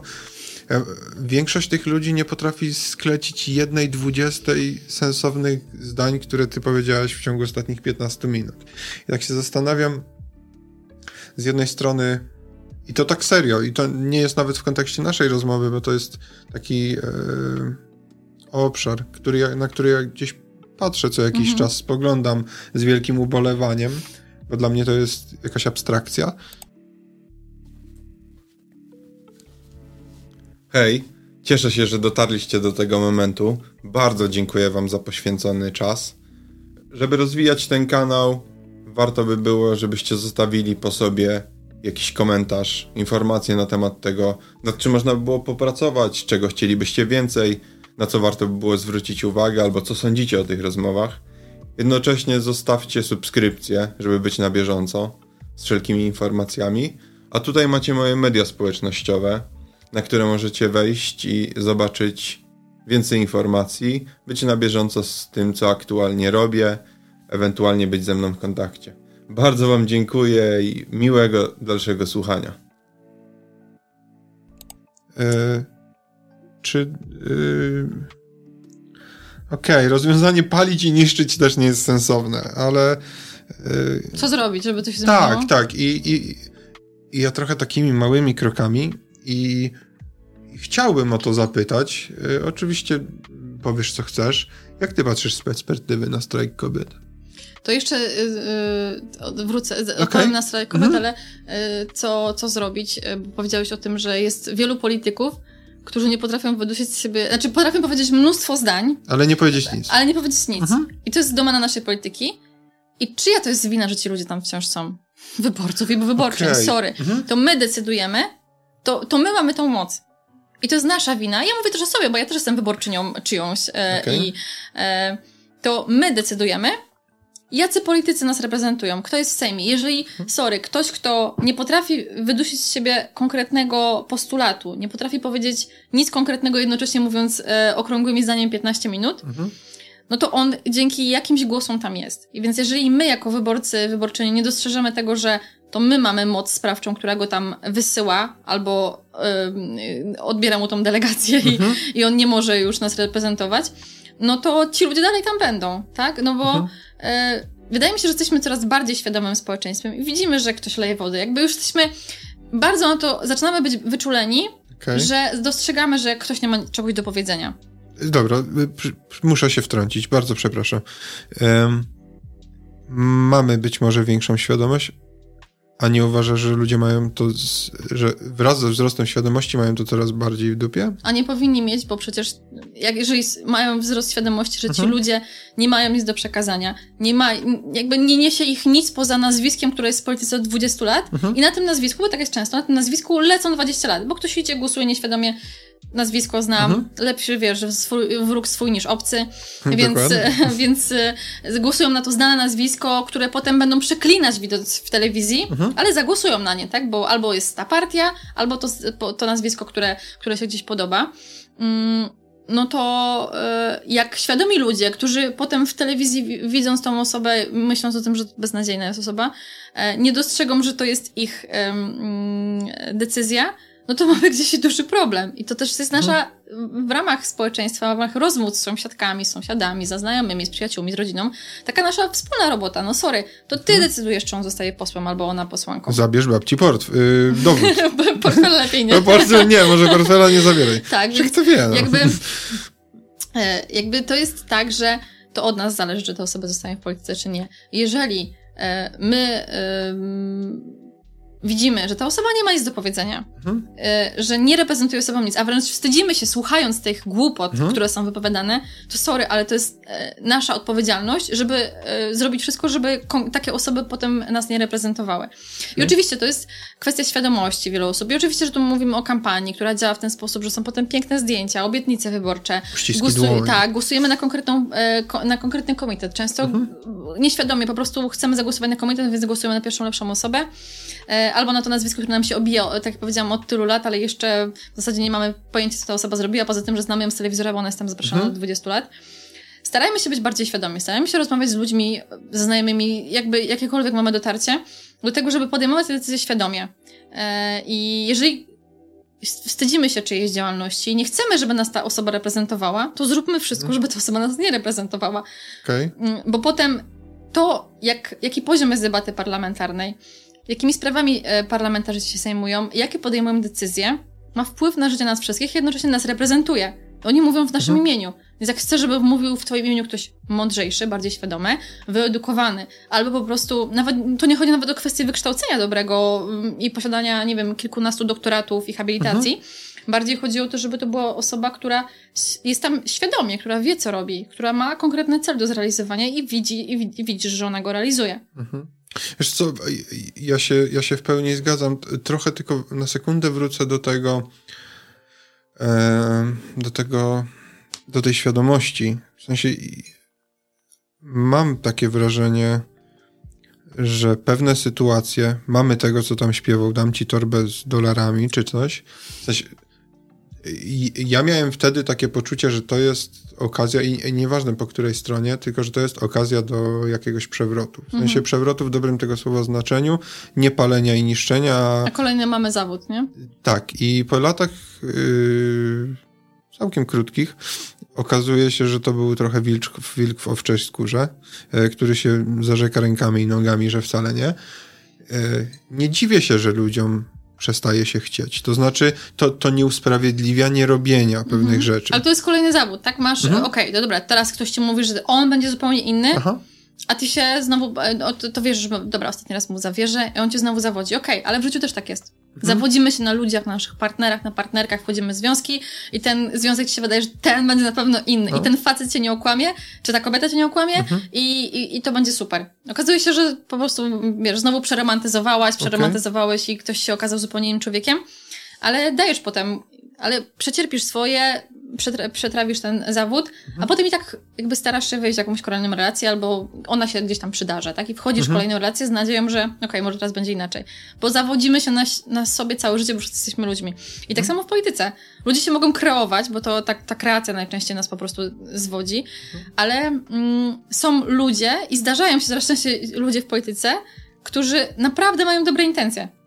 E, okay. i którzy e, nie kierują się jedynie tą, tym egoizmem. Mhm. I oczywiście mm, jest tak, że w jakiś sposób, no takie powiedzenie, że władza deprawuje, tak? I mhm. ja nie mam pojęcia, jakim będę człowiekiem, jakbym na przykład poszła do parlamentu. Będziesz brała łapówki. Na pewno nie. Ale wiesz, jest tak, że dzisiaj mhm. myślę, że mogę z pełnym przekonaniem powiedzieć, e, że nie zmieniłam swoich wartości, swoich wierzeń, moich intencji, z którymi szłam do polityki mhm. i będę robić wszystko, żeby z taką intencją zostać. To znaczy, moją intencją jest e, pomaganie ludziom, reprezentowanie moich wyborców, wyborczyń i działanie na rzecz zmiany, która będzie e, przynosiła korzyść wszystkim, która będzie dostrzegała potrzeby wszystkich obywateli i po prostu staranie się rozwiązywać, e, będę się starała rozwiązywać dalej problemy ludzi, e, którzy mieszkają w mojej społeczności, tak? I, okay. i działać na rzecz e, tworzenia takiego miasta, takiego państwa, e, które będzie e, dawało poczucie bezpieczeństwa obywatelom, obywatelkom, przestrzeń do rozwoju, pomagało budować relacje społeczne, jakieś więzi społeczne, takie społeczeństwo empatyczne, troskliwe, widzące się wzajemnie, takie po prostu dobre, tak jakby, mhm. no takie, że ja chciałabym żyć w takim społeczeństwie i dlatego chcę je takie, takie, takie tworzyć. I, okay. I dzisiaj mam takie poczucie, że mam dobre intencje i cały czas y, y, je do tej pory miałam i chcę z takimi iść i będę robiła wszystko, żeby w polityce taką pozostać. E, I ja myślę, że jest wiele osób, nawet hmm. ten wspomniany przez ciebie nasz um, artysta. Mhm. No, który... lepiej chyba, żeby został na scenie. Lepiej by szło, no? Trzeba wiedzieć, kiedy ze sceny zejść, nie? E, Ale to może... całkowicie.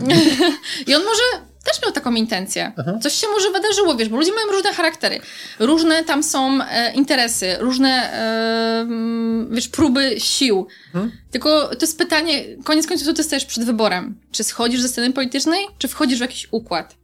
Okej. Okay. E, a czy ja wiem, że to nie jest gra do jednej. E, gra... A, i właśnie jeszcze to mhm. jest ważne, że funkcjonujesz w grupie, nie jesteś sam. E, właśnie e, chciałem, no. chciałem, e, że jakby zdaję sobie sprawę, że to nie jest jakby teraz ja wejdę i już jest. W ogóle tak... rewolucję przeprowadzę, nie? Ja tak, tak myślałam, tak, wiesz tak. co, ja tak myślałam, jak szłam do, do Rady Miejskiej, że ja będę promować swoje projekty mhm. i wszystkich przekonam, nie? A potem wszyscy mówili, no nie, ale wiesz, przekonaj nas yy, i dlaczego i wiesz, potem się mhm. okazało, że samodzielnie to ty sobie, wiesz, tam możesz, yy, nie wiem, kwiatki poprzesadzać w domu, tu musisz mieć e, jakby poparcie społeczne. Oczywiście musi być większość, która za tym mhm. zagłosuje ale często ludzie chcą, żeby ich przekonać dla samego bycia przekonanym. To znaczy, okay. nawet jak ktoś chce za tym zagłosować, to chce się czuć przekonany do tego, nie? I mhm. jakby to mnie nauczyło dużo większej, jakby doświadczenie to mam takie, że nauczyło mnie to bardzo dużej współpracy i poszanowania dla czyichś e, poglądów, wierzeń i tak dalej, chociaż się mogę z nimi nie zgadzać zupełnie, ale staram się jakby yy, nie tracić przez to szacunku i jakby takiego spojrzenia dobrego mhm. na, tą, na tą drugą osobę. E, no i w polityce też tak jest, że często jesteś w grupie, wiesz, my tu mamy klub radnych ośmioosobowy, e, mhm. ale w Sejmie funkcjonujesz w klubie parlamentarnym na przykład, który ma 20 parę, 120 parę osób.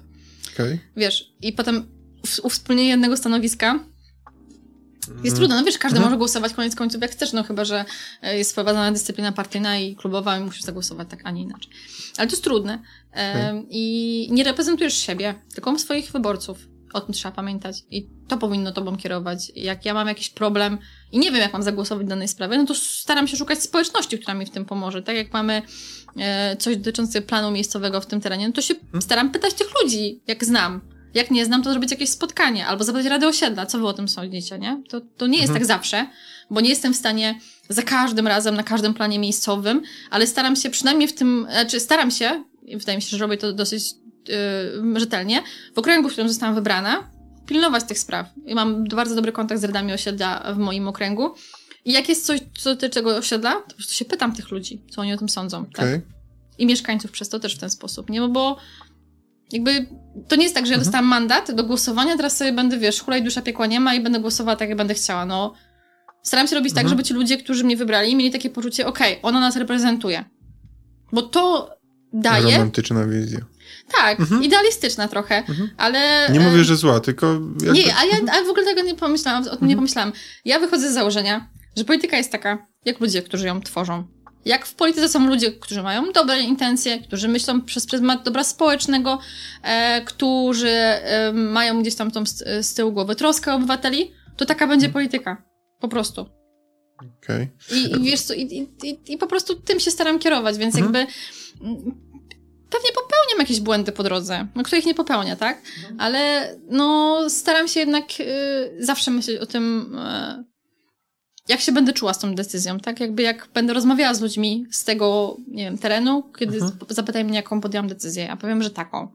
No i Okay. Jakoś to uargumentować. Mhm. Dlaczego? Bo wiesz, ja, ja się nie muszę zgadzać z tymi ludźmi. Mogę zagłosować inaczej, bo na przykład moja wizja, jakby w, w kontekście całego miasta, może być inna od ich tego interesu konkretnego danej ulicy, tak? Mhm. Na przykład, nie wiem, przez pryzmat całego osiedla, a mieszkańców konkretnej ulicy. Ale no staram się mieć na to jakieś argumenty, że okej, okay, zdecydowałam się inaczej niż wy o to prosiliście, ale to wynika z tego, z tego, z tego i z tego na przykład, nie? Okej. Okay. W kontekście tej świadomości społecznej e, Wiesław Gałązka byłby zadowolony, e, bo on bardzo dużo o, o tej świadomości społecznej mówi. Ja trochę sparafrazuję, ale e, bo, bo z perspektywy kogoś, kto działa w polityce, kogoś, kto działa społecznie w polityce, to jakby e, nie, nie chcę wrzucać do worka. Na pewno nie zrobimy nic z tymi, którzy już idą z pochodniami i mieczami na kogoś tam. No, nieważne z której strony, i na pewno nie zrobimy nic z tymi, którzy uważają, że ktoś jest lepszy, ktoś jest gorszy, a z kimś innym to nie mają o czym co rozmawiać. Ja skupię, skupię się na tych, którzy są niezdecydowani, mają już gdzieś, nie chce im się, mają tego wszystkiego totalnie dość. Yy, trochę w myśl takiej zasady, że wa warto by było, żeby ci ludzie się zainteresowali, bo ci z wiejskiej na pewno się nimi interesują i, i zainteresują przy okazji następnych wyborów. No tak co każdy z nas i jako człowiek e, może zrobić, żeby trochę tą sytuację poprawić. Co możemy zrobić z kolegą, znajomym, partnerem, partnerką, kumplem z pracy, sąsiadem, który mówi w dupie mam, nie idę na wybory, bo już nie chce mi się na to patrzeć. Mhm. Czy w, w ogóle, znaczy w sensie oczywiście, że rozmawiać, tylko jak z tymi ludźmi rozmawiać, jak ich próbować przekonać? Mm. Przede wszystkim powiedzieć o tym, że, że nie idąc na wybory, mhm. oddajesz życie swoje, swoje, swoich bliskich, swojej rodziny w ręce innej osoby. Jakby w większości, tak? Okay. Jakby, mhm. jeszcze raz, bo tak może nie jasno się wyraziłam, ale jak nie idziesz na wybory, to pozwalasz, żeby o twoim życiu pośrednio mhm zdecydował ktoś inny. O życiu, no bo tak naprawdę, tak jak mówię, polityka wpływa na każdy aspekt naszego życia. Od, wiesz, ceny, mm, ilość żłobków, ceny w tych żłobkach, mm, ceny za komunikację miejską, e, ceny, wysokość podatków, miejsca pracy, mm, tereny zielone, wszystko, co jest wokół ciebie. Czy ten chodnik mhm. przed twoim domem jest wyremontowany, czy nie? Czy masz ścieżkę rowerową, żeby dojechać?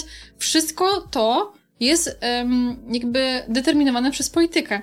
Mhm. I jak nie idziesz na wybory, bez względu na to, na jakim szczeblu, czy to są wybory samorządowe, wybory do Sejmu i Senatu, czy wybory na prezydenta, chociaż te na prezydenta, wiadomo, tam jakby teoretycznie mają najmniejszy wpływ, tak w mojej ocenie, na, na życie obywateli i obywateli. No, tam tylko od podpisywania to jest... Może zawetować jeszcze. Formalność. Za, jeszcze może zawetować okay. zawsze. Mhm. E, więc e,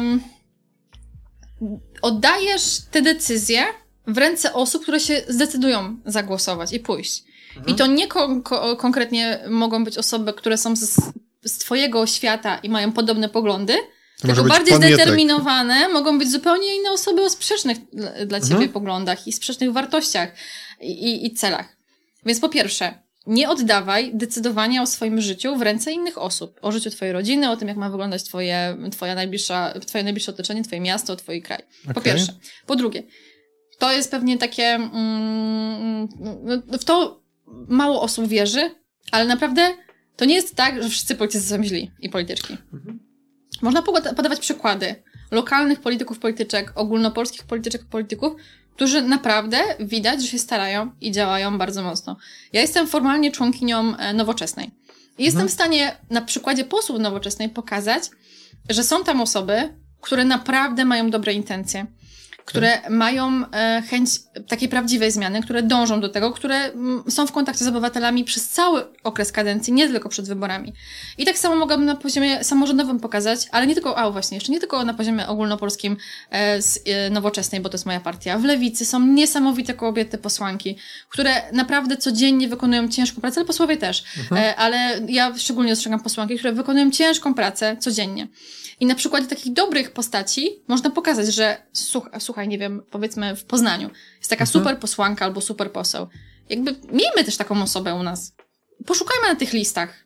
Okay. To nie jest tak, że y, y, lista, z której kandyduje ta osoba, musi być y, w pełni zgodna, jakby poglądy tej listy, tej partii, mhm. no powiedzmy tego komitetu, e, poglądy tej partii, z której startuje ta osoba, muszą być w całości zgodne z naszymi, ale może ta osoba bo to nie jest tak, że masz e, partię, w ramach tej partii startują, e, czy komitet, w ramach tego komitetu startują osoby i one wszystkie mają te same poglądy. No, no nie. Mhm. Często ja jestem w, w partii nowoczesnej, ale nie mam dokładnie tych samych poglądów jak szef tej partii, czy inne osoby e, w partii. No tak nie jest. Jakby jest jakiś kor, co do którego się zgadzamy, mhm. ale jak, jakaś taka podstawa, E, ale są rzeczy, w których się rozjeżdżamy. I tak samo może być na tej, dla ciebie, że okej, okay, może się co do zasady zgadzasz takimi podstawowymi postulatami tej partii, ale wybierz sobie osobę, która ci najbardziej odpowiada. I miej taką posłankę, takiego posła, jak w innym mieście, który może być dobrym przykładem, czy samorządowca, samorządowczynie, e, i pokaż, że to jest, że taka zmiana jest możliwa. I jakby to jest też coś, co możemy robić. Okej. Okay. A to, to jest bardzo spoko. W, w ogóle mi bo to intuicyjnie przychodzi wytykanie błędów i szukanie tych y, zgniłych... I znajdziesz ich mnóstwo. Okay. I wszędzie. Ale to tak samo jak mhm. z ludźmi jest. Jakby politycy też popełniają błędy, bo e, są ludźmi po prostu i mogą podejmować złe, dobre decyzje i tak naprawdę raz to zależy od intencji, z, których, z którymi idziesz, a dwa zależy też od środowiska, w którym przebywasz, mhm. uwarunkowań, w które dałeś się uwikłać e, w trakcie tej kariery politycznej, bo to też o różne interesy, interesiki chodzi. Mhm. Bywa różnie. Więc y, koniec końców oczywiście to jest twoja decyzja jako tej osoby, która podejmuje to wezwanie i wchodzi w jakiś układ, w jakiś nie wchodzi. No ale też znowu wracając, wszyscy popełniamy te błędy i ciężko mhm. potem te błędy jest y, naprawić, jakoś to odkręcić. Więc myślę, że po pierwsze podawanie takich fajnych przykładów, że zobacz jak ona, jak on działa, miejmy mhm. też taką osobę u siebie. Poświęcenie trochę czasu na znalezienie tej osoby, na świadome przewertowanie tych list i wybranie osoby, która rzeczywiście zainteresuje i będzie mm, i jeszcze uznasz, że jest, ma szansę, żeby się dostać, bo też nie chcemy mieć zmarnowanego głosu i głosować na kogoś, kto się potem nie dostanie, więc to mhm. też ludzie patrzą na to, żeby zagłosować. Dlatego te jedynki, dwójki najczęściej wchodzą, bo chcemy oddać mhm. na kogoś, kto, mieć kogoś, kto się dostanie, Szan, tak? tak, tak żeby, będzie, żeby to nie był taki zmarnowany głos. Więc myślę, że podawanie dobrych przykładów, mówienie o tym, e, że jak nie zagłosujesz, to ktoś pójdzie za ciebie, zagłosuje i to hmm. mogą być osoby, które wcale nie będą reprezentowały takiego samego poglądu. E, to jest, e, no, to jest przede wszystkim bardzo ważne. No i też zainteresowanie się tym, co się dzieje wokół nas, lokalnie, po prostu. Okej. Okay. No. Ja dorzuciłbym jeszcze do tego, y, jakiś czas temu sobie ubzdurałem, ale póki co bardzo sprawnie działa takie bardzo chłodne przekalkulowane pokazywanie komuś, na kogo zagłosował i ile z tych rzeczy zostało doprowadzonych finalnie. W sensie no tak. trochę taka wiwisekcja tego, oddałeś na kogoś głos, to sprawdźmy, co zrobił, bo to no. jest jakby dosyć, e, dosyć takie... Zre... Znowu na politykę, a ja chciałbym się dowiedzieć odnośnie tego strajku kobiet. A, o strajku kobiet, no, tak. Ale i, i nie pytam o Dobra, nie, powinna. E, no, co? No, nie, do, możesz doszczegółowić, oczywiście, pomoże mi to. Co? Nie, ja, bardzo mnie ciekawi twoje spojrzenie z perspektywy czasu, raz, że na samo zjawisko. zjawisko na, to znaczy? W sensie y, na to, co się wydarzyło. Y, Jestem mówię, oburzona wyrokiem Trybunału. To tak. Mm, dobrze, do, do, zdecydowanie doprecyzuję. Na cały ruch, który się wytworzył, wyjście na ulicę, demonstracje i tak dalej, mhm. Ale z drugiej strony na mm, efekty takie pochodne, które się urodziły w trakcie, po, które trwają z tego, co mi wiadomo, na, na tyle, na ile mi wiadomo. Jakie, jak, jak, teraz, jak teraz to widzisz? Ja jestem niesamowicie dumna z kobiet, które tworzyły Mm, tą, tą jakby ten początek, okay. e, czyli e, Martę Lempart i wszystkich innych dziewczyn, które rozpoczęły mhm. i tak naprawdę zmobilizowały nas wszystkie do tego, żeby wyjść na ulicę, że były tymi pierwszymi, które powiedziały, no dobra, hej, ta, ta, tu już jest koniec, nie? Jakby nie odbierajcie nam naszych praw, nie próbujcie ich ograniczać.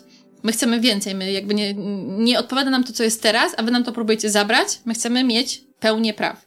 I dziewczyny um, miały na tyle w sobie siły i determinacji, żeby mm, zmobilizować inne kobiety, ale też mężczyzn do wyjścia na ulicę zawalczenia o te prawa. Miało na tyle odwagi, żeby to zrobić, mimo tego, że były zastraszane, śledzone e, i tak dalej, i tak dalej. Mm, te protesty, które były odpowie odpowiedzią na e, wyrok Trybunału, no to bez wątpienia to były największe protesty w, jakby w historii mm, te, w tej ostatniej, e, tych mhm. powiedzmy 30 lat. Um, ja oczywiście bardzo aktywnie brałam udział w tych protestach, strajkach i prowadziłam też te manifestacje, które, współprowadziłam też te, mhm. które się odbywały we Wrocławiu. Um, dzięki tym działaniom, po pierwsze, Polki pokazały, że nie są nieme, mhm. że kiedy ogranicza się im prawa reprodukcyjne, e, to nie będą stały biernie i się temu przyglądały, tylko będą walczyły. Oczywiście w tym momencie jest tak, że efektów tego nie widać. Tak, można powiedzieć, że efektów nie widać, bo prawo zostało jakby, mm, jedna z przesłanek została usunięta i ma, mamy tylko dwie możliwości teraz, żeby wykonać w Polsce legalnie aborcję. Mhm. E, więc ograniczono nam te prawa reprodukcyjne e, w, w tym momencie. Ale e, to nie jest tak, że to prawo zostało ograniczone i ono już nie zostanie nigdy przywrócone. E, a ja wręcz myślę, że będzie jeszcze bardziej zliberalizowane. Bo po pierwsze, te wszystkie działania miały walor edukacyjny. Kobiety poznały swoje prawa, zrozumiały, często nie zastanawiały się nad tym, czy to jest ok, tak jak jest teraz, dowiedziały się, w jakich przypadkach można wykonać aborcję. Mm, po pierwsze, zobaczyły swoją solidarność, współpracę, mm, zobaczyły, że jest mnóstwo kobiet, które myślą tak jak one albo podobnie. E, to już powiedziałam o tym, że pokazały, że jakby nie pozostają głuche na to, co się dzieje i będą walczyć o swoje, o swoje prawa. Zwiększyła się o, o wiele y, y, liczba osób, która opowiada się jednak za liberalizacją prawa aborcyjnego, e, a już na pewno za utrzymaniem tamtego kompromisu, ale za liberalizacją też, e, będzie dużo łatwiej mówić o prawach reprodukcyjnych, o prawach aborcyjnych, pełnych prawach aborcyjnych dla kobiet, kiedy zmieni się rząd, bo przy tym rządzie jesteśmy mhm. w stanie tego mm, wprowadzić ze względu na ten, to, ten silny związek partii rządzącej z Kościołem. E, więc ja uważam, że to były protesty bardzo potrzebne. Można powiedzieć, że nie przyniosły żadnego efektu. Ja myślę, że przyniosły bardzo duży efekt, pokazały to, że my nie damy sobie tak łatwo odebrać tych praw. Prowadziły mnóstwo zamieszania w polskiej polityce, mnóstwo liderek społecznych na ich bazie się urodziło i które zaczęły działać w obrębie prawa, praw reprodukcyjnych, ale też w obrębie w ogóle społeczno-politycznym. E, więc myślę, że to było bardzo potrzebne. Mm, w sensie, oczywiście sama zmiana jest negatywna, mhm. ale na tej negatywnej zmianie wydaje mi się, że wyciągnęłyśmy w tej sytuacji no tyle, ile mogłyśmy z tego, okay. takiej nauki. Nauki, solidarności, współpracy, sieci kontaktów, która się dzięki temu nawiązała. Mhm. No i jakby teraz te kobiety, które były zaangażowane, nie powinny odpuszczać. Kobiety, które brały udział w tych procesach, ale mężczyźni również, e, powinni właśnie pójść na wybory przede wszystkim, zagłosować na osoby, które będą realizowały ich postulaty. I ja mam nadzieję, że to doprowadzi do, do zmiany prawa aborcyjnego w Polsce. Okej. Okay. Ależ ładnie powiedziałaś. tak, w sensie, naprawdę? Wiesz co? Mm, y, nie, zanim rozwinę, jeszcze chciałbym jedno takie małe. A nie masz trochę wrażenia, że para poszła w gwizdek? Mm, tak jak powiedziałam. Y, żeby to wszystko było fantastyczne. Mhm. Ja to totalnie popieram. Y, byłem bardzo zachwycony, jednocześnie bardzo rozczarowany, ale. Y, o czym rozczarowany? Co te kobiety miały zrobić? Miały wbić się z z pochodniami, z, wiesz, z ładunkami a, wybuchowymi. Z wiesz, szachida. Nie, tak, nie, nie, absolutnie. Co, co było do zrobienia więcej? Co nie zostało twoim zdaniem zrobione na przykład?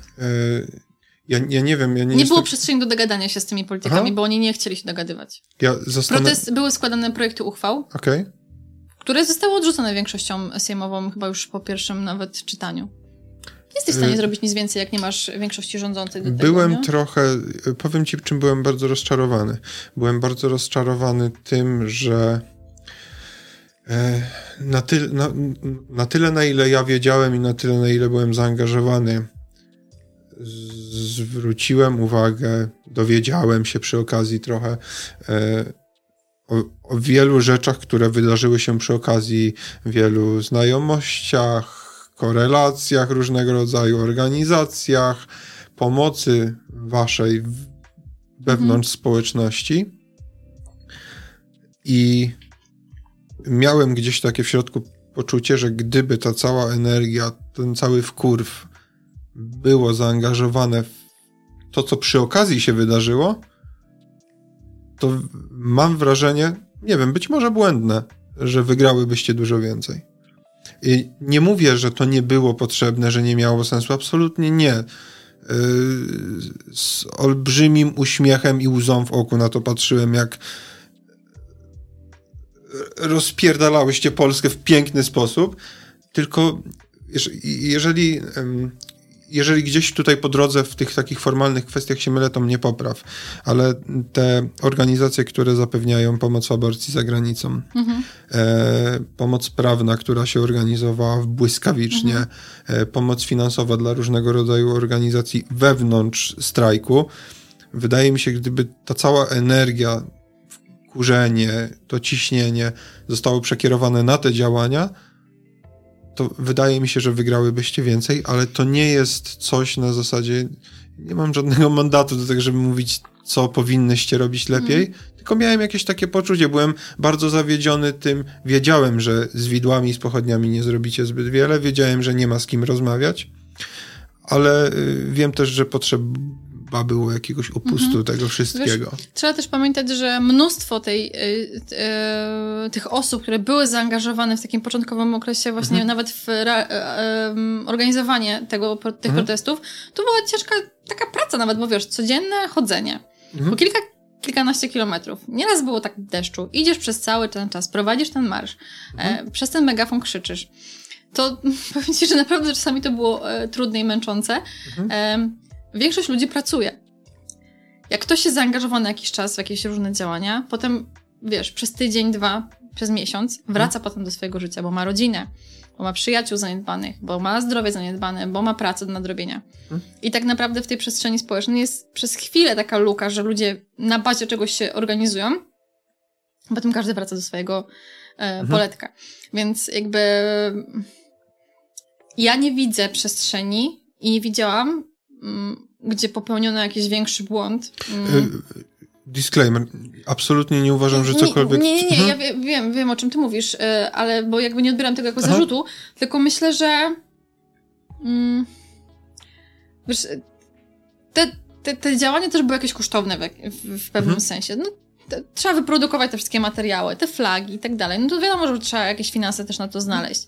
Um, dziewczyny, które prowadziły te marsze w różnych miejscach, jak mówię, odłożyły swoje życie, rodzinę, pracę na chwilę i zaangażowały się w to. Wiele osób mhm. straciło z tego powodu pracę.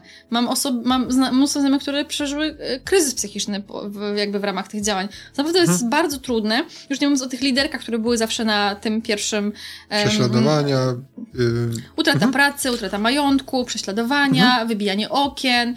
Jakby w, w domach informacja o tym, gdzie kto mieszka jest naprawdę bardzo niebezpieczne. Mhm. I to było niebezpieczne. I ja sama wielokrotnie bałam się wracać do domu potem, jak prowadziłam jakiś marsz, bo potem zawsze chłopcy w kominiarkach się nas gdzieś tam czali w boku, na, okay. na boku i parę razy była taka niebezpieczna sytuacja, że gdyby tej policji nie było tak dużo wokół nas, to mogłoby się to w różny sposób skończyć.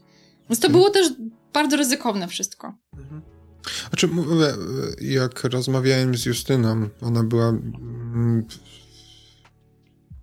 wydaje mi się, przynajmniej z tego, co, co, co wiem, w dosyć spory sposób zaangażowana. Tak, no, tak, tak, tak, znamy się dobrze. Rozmawialiśmy y, na ten temat. Ja powiedziałem jej dokładnie to samo, e, że myślałem, że to pójdzie w tą stronę. Byłem, byłem święcie przekonany, że, że tak przechytrzycie system.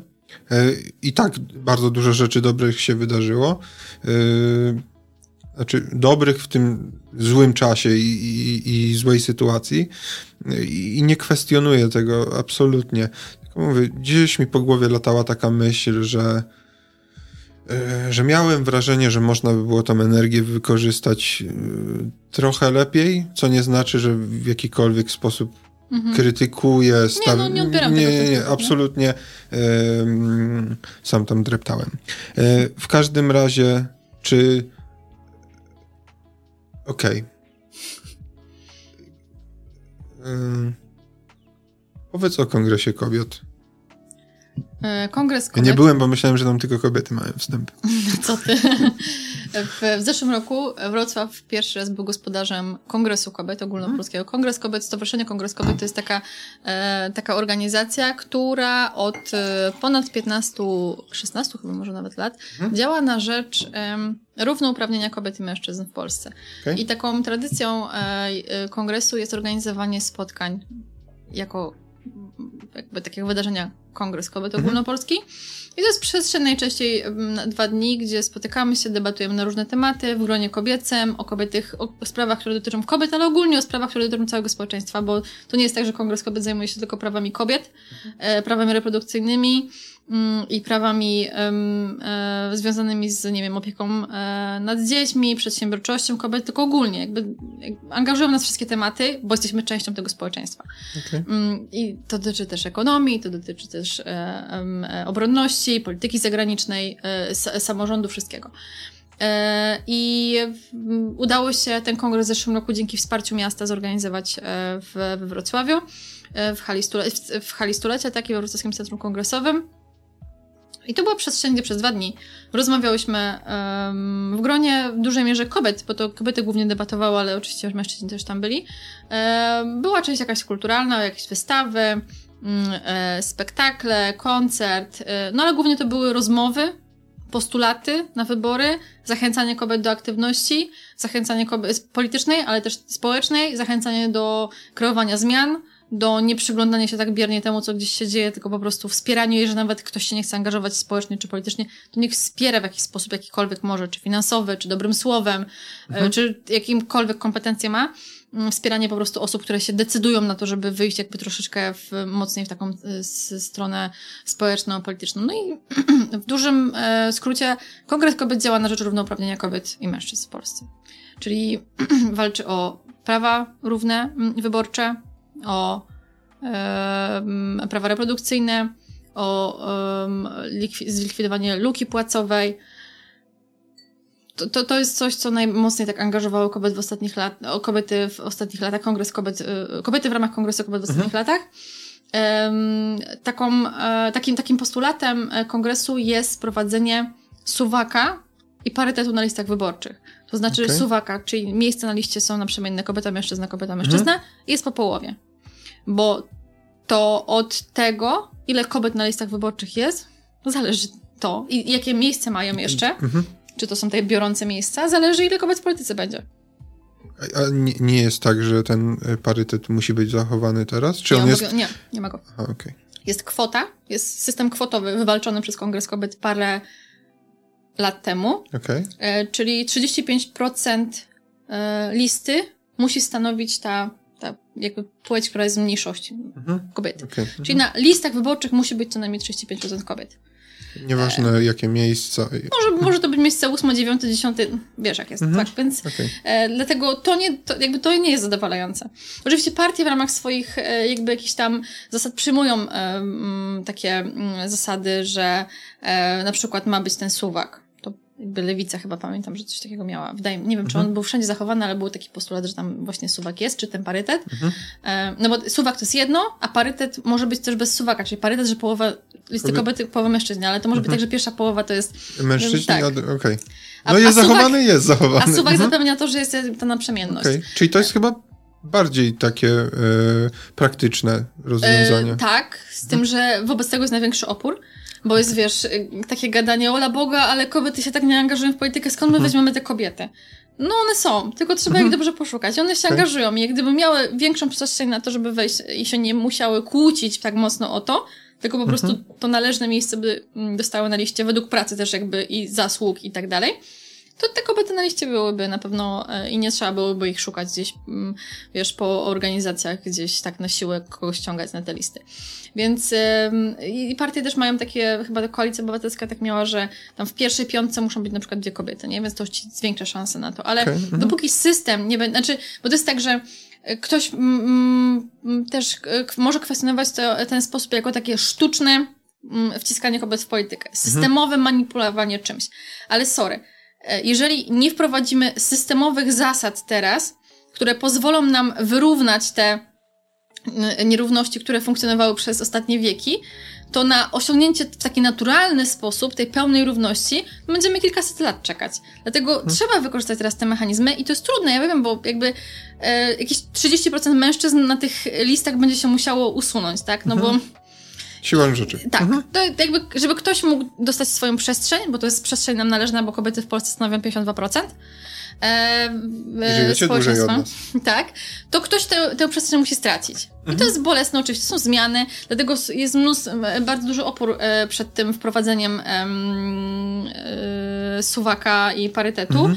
No i argumenty są takie, wiesz, że kobiety się nie angażują, że nie ma tyle aktywnych, że to będą kobiety, że, że to nie powinno decydować płeć, tylko kompetencje.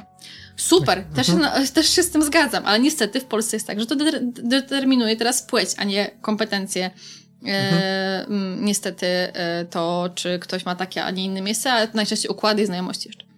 Okay. E, więc e, potrzeba takich systemowych rozwiązań, takiej pozytywnej dyskryminacji, żeby dzięki temu e, dać przestrzeń kobietom, która im się w pełni należy. Bo to nie jest tak, że my, okay. wiesz, e, chcemy komu... Bo to jest tak, że no, oczywiście tu musi ktoś stracić, żeby wyrównać te dysproporcje. Mhm. Ale to nie jest tak, że my chcemy, wiesz, dodatkowych praw czegoś dodatkowego, czegoś, co, czego wy nie będziecie mieli. Okay. Bo to zapewnia, jakby wiesz, parytet mhm. to parytet. Połowa jest dla was, połowa jest dla nas. W sensie mówię my, wy, kobiety, mężczyźni. Mhm. Więc to nie jest tak, że Wiesz, bo tutaj dyskryminacja byłaby, jakbyśmy mówiły teraz, że okej. Okay, no teraz my, więcej. E, mhm. Po pierwsze więcej, albo to my wam teraz odbierzemy na mm, 300 lat prawa wyborcze, bo przecież my nie miałyśmy tak długo też, nie? Więc jak okay. 300 lat będzie okej okay dla was.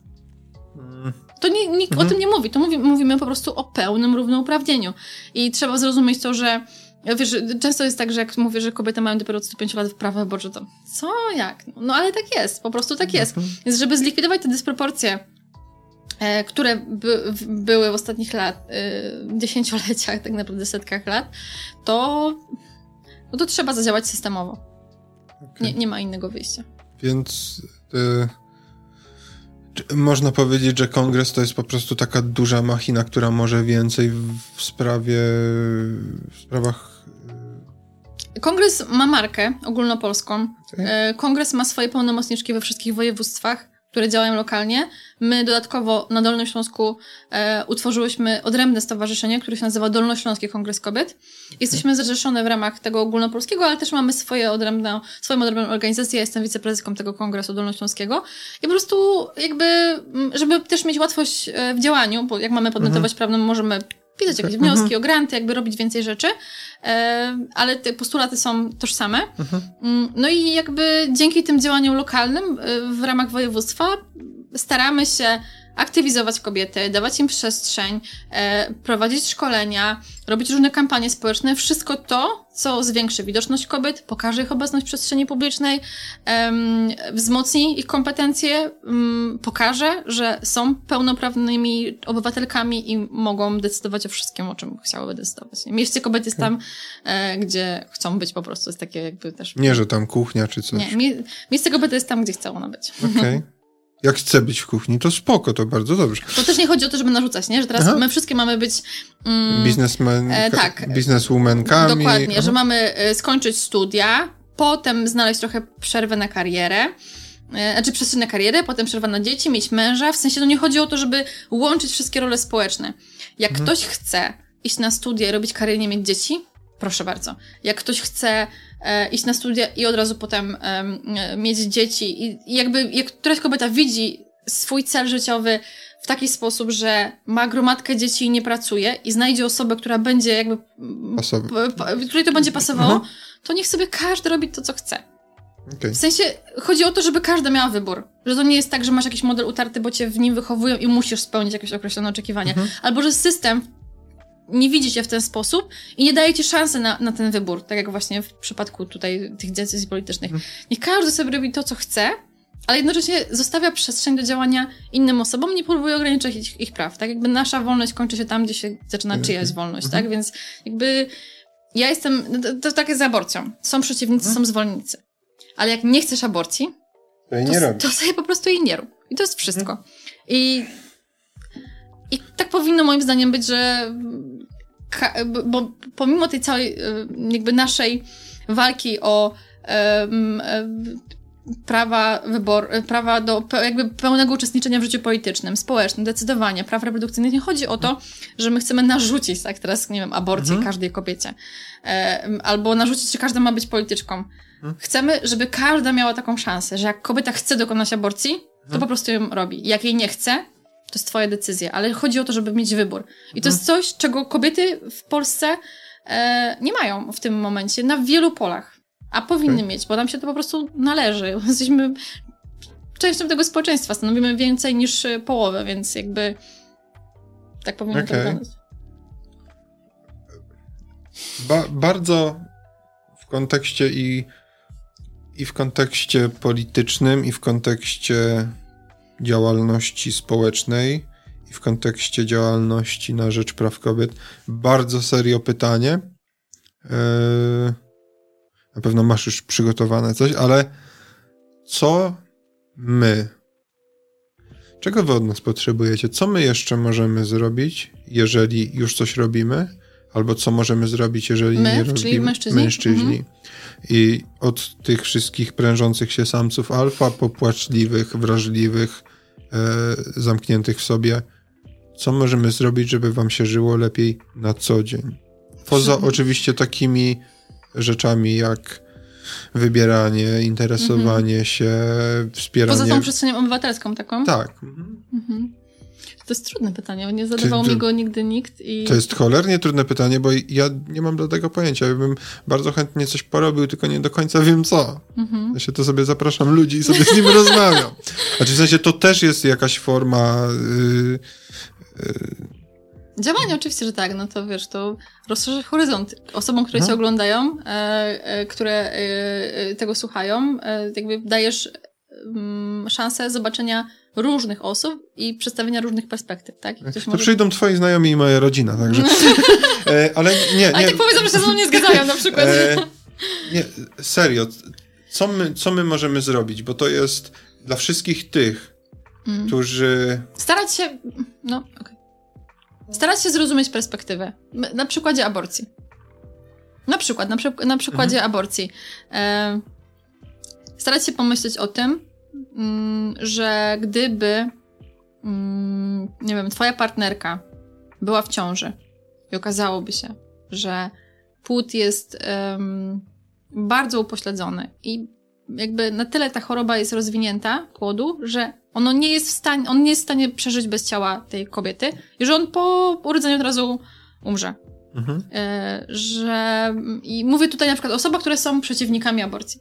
No to sobie wyobraź właśnie, że twoja partnerka jest w takiej ciąży i czy ty chcesz, żeby ona e, przechodziła przez tą traumę i tak naprawdę cierpiała przez ten cały czas. Wszyscy jej gratulowali, że będzie super dziecko, bo przecież brzuch widać i tak dalej. Mhm. A, a okazuje się, że ona i tak urodzi dziecko, które w, tym, w tych uwarunkowaniach prawnych po wyroku Trybunału tak jest, że nie możesz tej aborcji dokonać. I ona mhm. musi urodzić to dziecko może w trakcie poroni, ale może będzie musiała urodzić ten martwy płód. Y, który nie, nie przeżyje na 100% y, i przejść z nią potem. Wyobraź sobie tą sytuację i to, że przechodzisz z nią przez tą całą traumę i tak dalej, i tak dalej. Partia, jest pewna partia w Polsce, która opowiada się za tym, żeby aborcję w ogóle e, zlikwidować. Mhm. To wyobraź sobie, że twoja partnerka idzie z koleżankami do kina, postanowiło, że po drodze jeszcze wejdą na jakiegoś drinka, wraca sama wieczorem i tak się niestety przydarzy, że zostaje zgwałcona. I zachodzi okay. w ciążę. No i co? To mam nadzieję, że ten, kto się opowiada za tym, e, żeby aborcji w ogóle w Polsce nie było, to nie zostawi tej kobiety zgwałconej w ciąży i będzie wychowywał to dziecko jak swoje, pomimo tego, że to jest dziecko e, zrodzone z, z, z przestępstwa, e, z, które dla tej kobiety będzie do końca życia traumą w jakiś sposób. Może dla kogoś nie. Dla mnie mhm. by było, bo to jakby to okay. też pozostawiam wybór. Ktoś może chcieć urodzić dziecko, które jest z gwałtu, ale może dla tej, ale dla większości myślę kobiet byłaby to jednak trauma. Więc jakby spróbuj się, przynajmniej ja mówię teraz o kontekście praw reprodukcyjnych mhm. i aborcji. Więc co wy możecie zrobić? Starać się stawiać w naszej perspektywie, jakby patrzeć z naszej perspektywy. Czasami jakby, wiesz, to jest trudne mhm. e, i mm, to wymaga trochę jakby wyjścia z takiego standardowego myślenia, bo zawsze jakby podejmujemy te decyzje ze swojej perspektywy, tak? Mhm. Ja nie chcę aborcji, bo to się nie zgadza, wiesz, z moją religią, albo to, e, nie wiem... E, to nie rób. No, ale ty mhm. tak mówisz, nie? Ale jakby wiesz, jak wie, wie, wiele osób mówi, że, że nie chce, że się nie zgadza, że to jest zabijanie i tak dalej. To spróbuj wyjść spoza swojego ciała, spoza swojego myślenia mhm. i spróbuj się właśnie postawić w tej sytuacji kobiety, która ma te, te wszystkie historie i jest, ty jesteś jej partnerem i w tym towarzyszysz. Ja myślę, że perspektywa wielu mężczyzn bardzo by się zmieniła, gdyby postarali się wyjść na chwilę z tej skóry swojej i pomyśleli o zdrowiu kobiet, tych swoich partnerek, albo w ogóle o życiu z kobietą, która musi przez prawo w Polsce przechodzić przez te wszystkie rzeczy. To jest trudne. Mhm. Ja myślę, że wielu polityków, którzy się opowiadają za likwidacją zupełną aborcji, w życiu by się na to nie zdecydowali i za, czym prędzej od razu mm, Czechy albo Niemcy na wykonanie aborcji, nie? Okay. Jestem przekonana. Więc e, to jest raz. Jak możecie jeszcze pomóc? W różnym kontekście w ogóle starać się wychodzić poza swoją perspektywę. E, starać się zrozumieć perspektywę kobiet, nie wiem, starać się też doszkalać, czytać książki, e, nie zamykać się, nie wiem, Ciężko mi to powiedzieć. No, ciężko okay. mi to określić. Ja nie, co ja robię? Tak sobie myślę, co ja robię, żeby rozszerzyć. Hmm, nie wiem. Y, long story short, w kontekście y, mi się bardzo spodobało to takie takie zajebiście przejaskrawione wystawienie konkretnego przykładu, bo to jest jakby, to dociera w miarę szybko. Y, ja sobie wymyśliłem, że się spotkam. E, jest taka organizacja we Wrocławiu, która. E, I to jakby w ogóle nie w kontekście aborcji, chociaż pewnie ktoś mógłby się doszukać, e, która zrzesza rodziców dzieci ciężko chorych.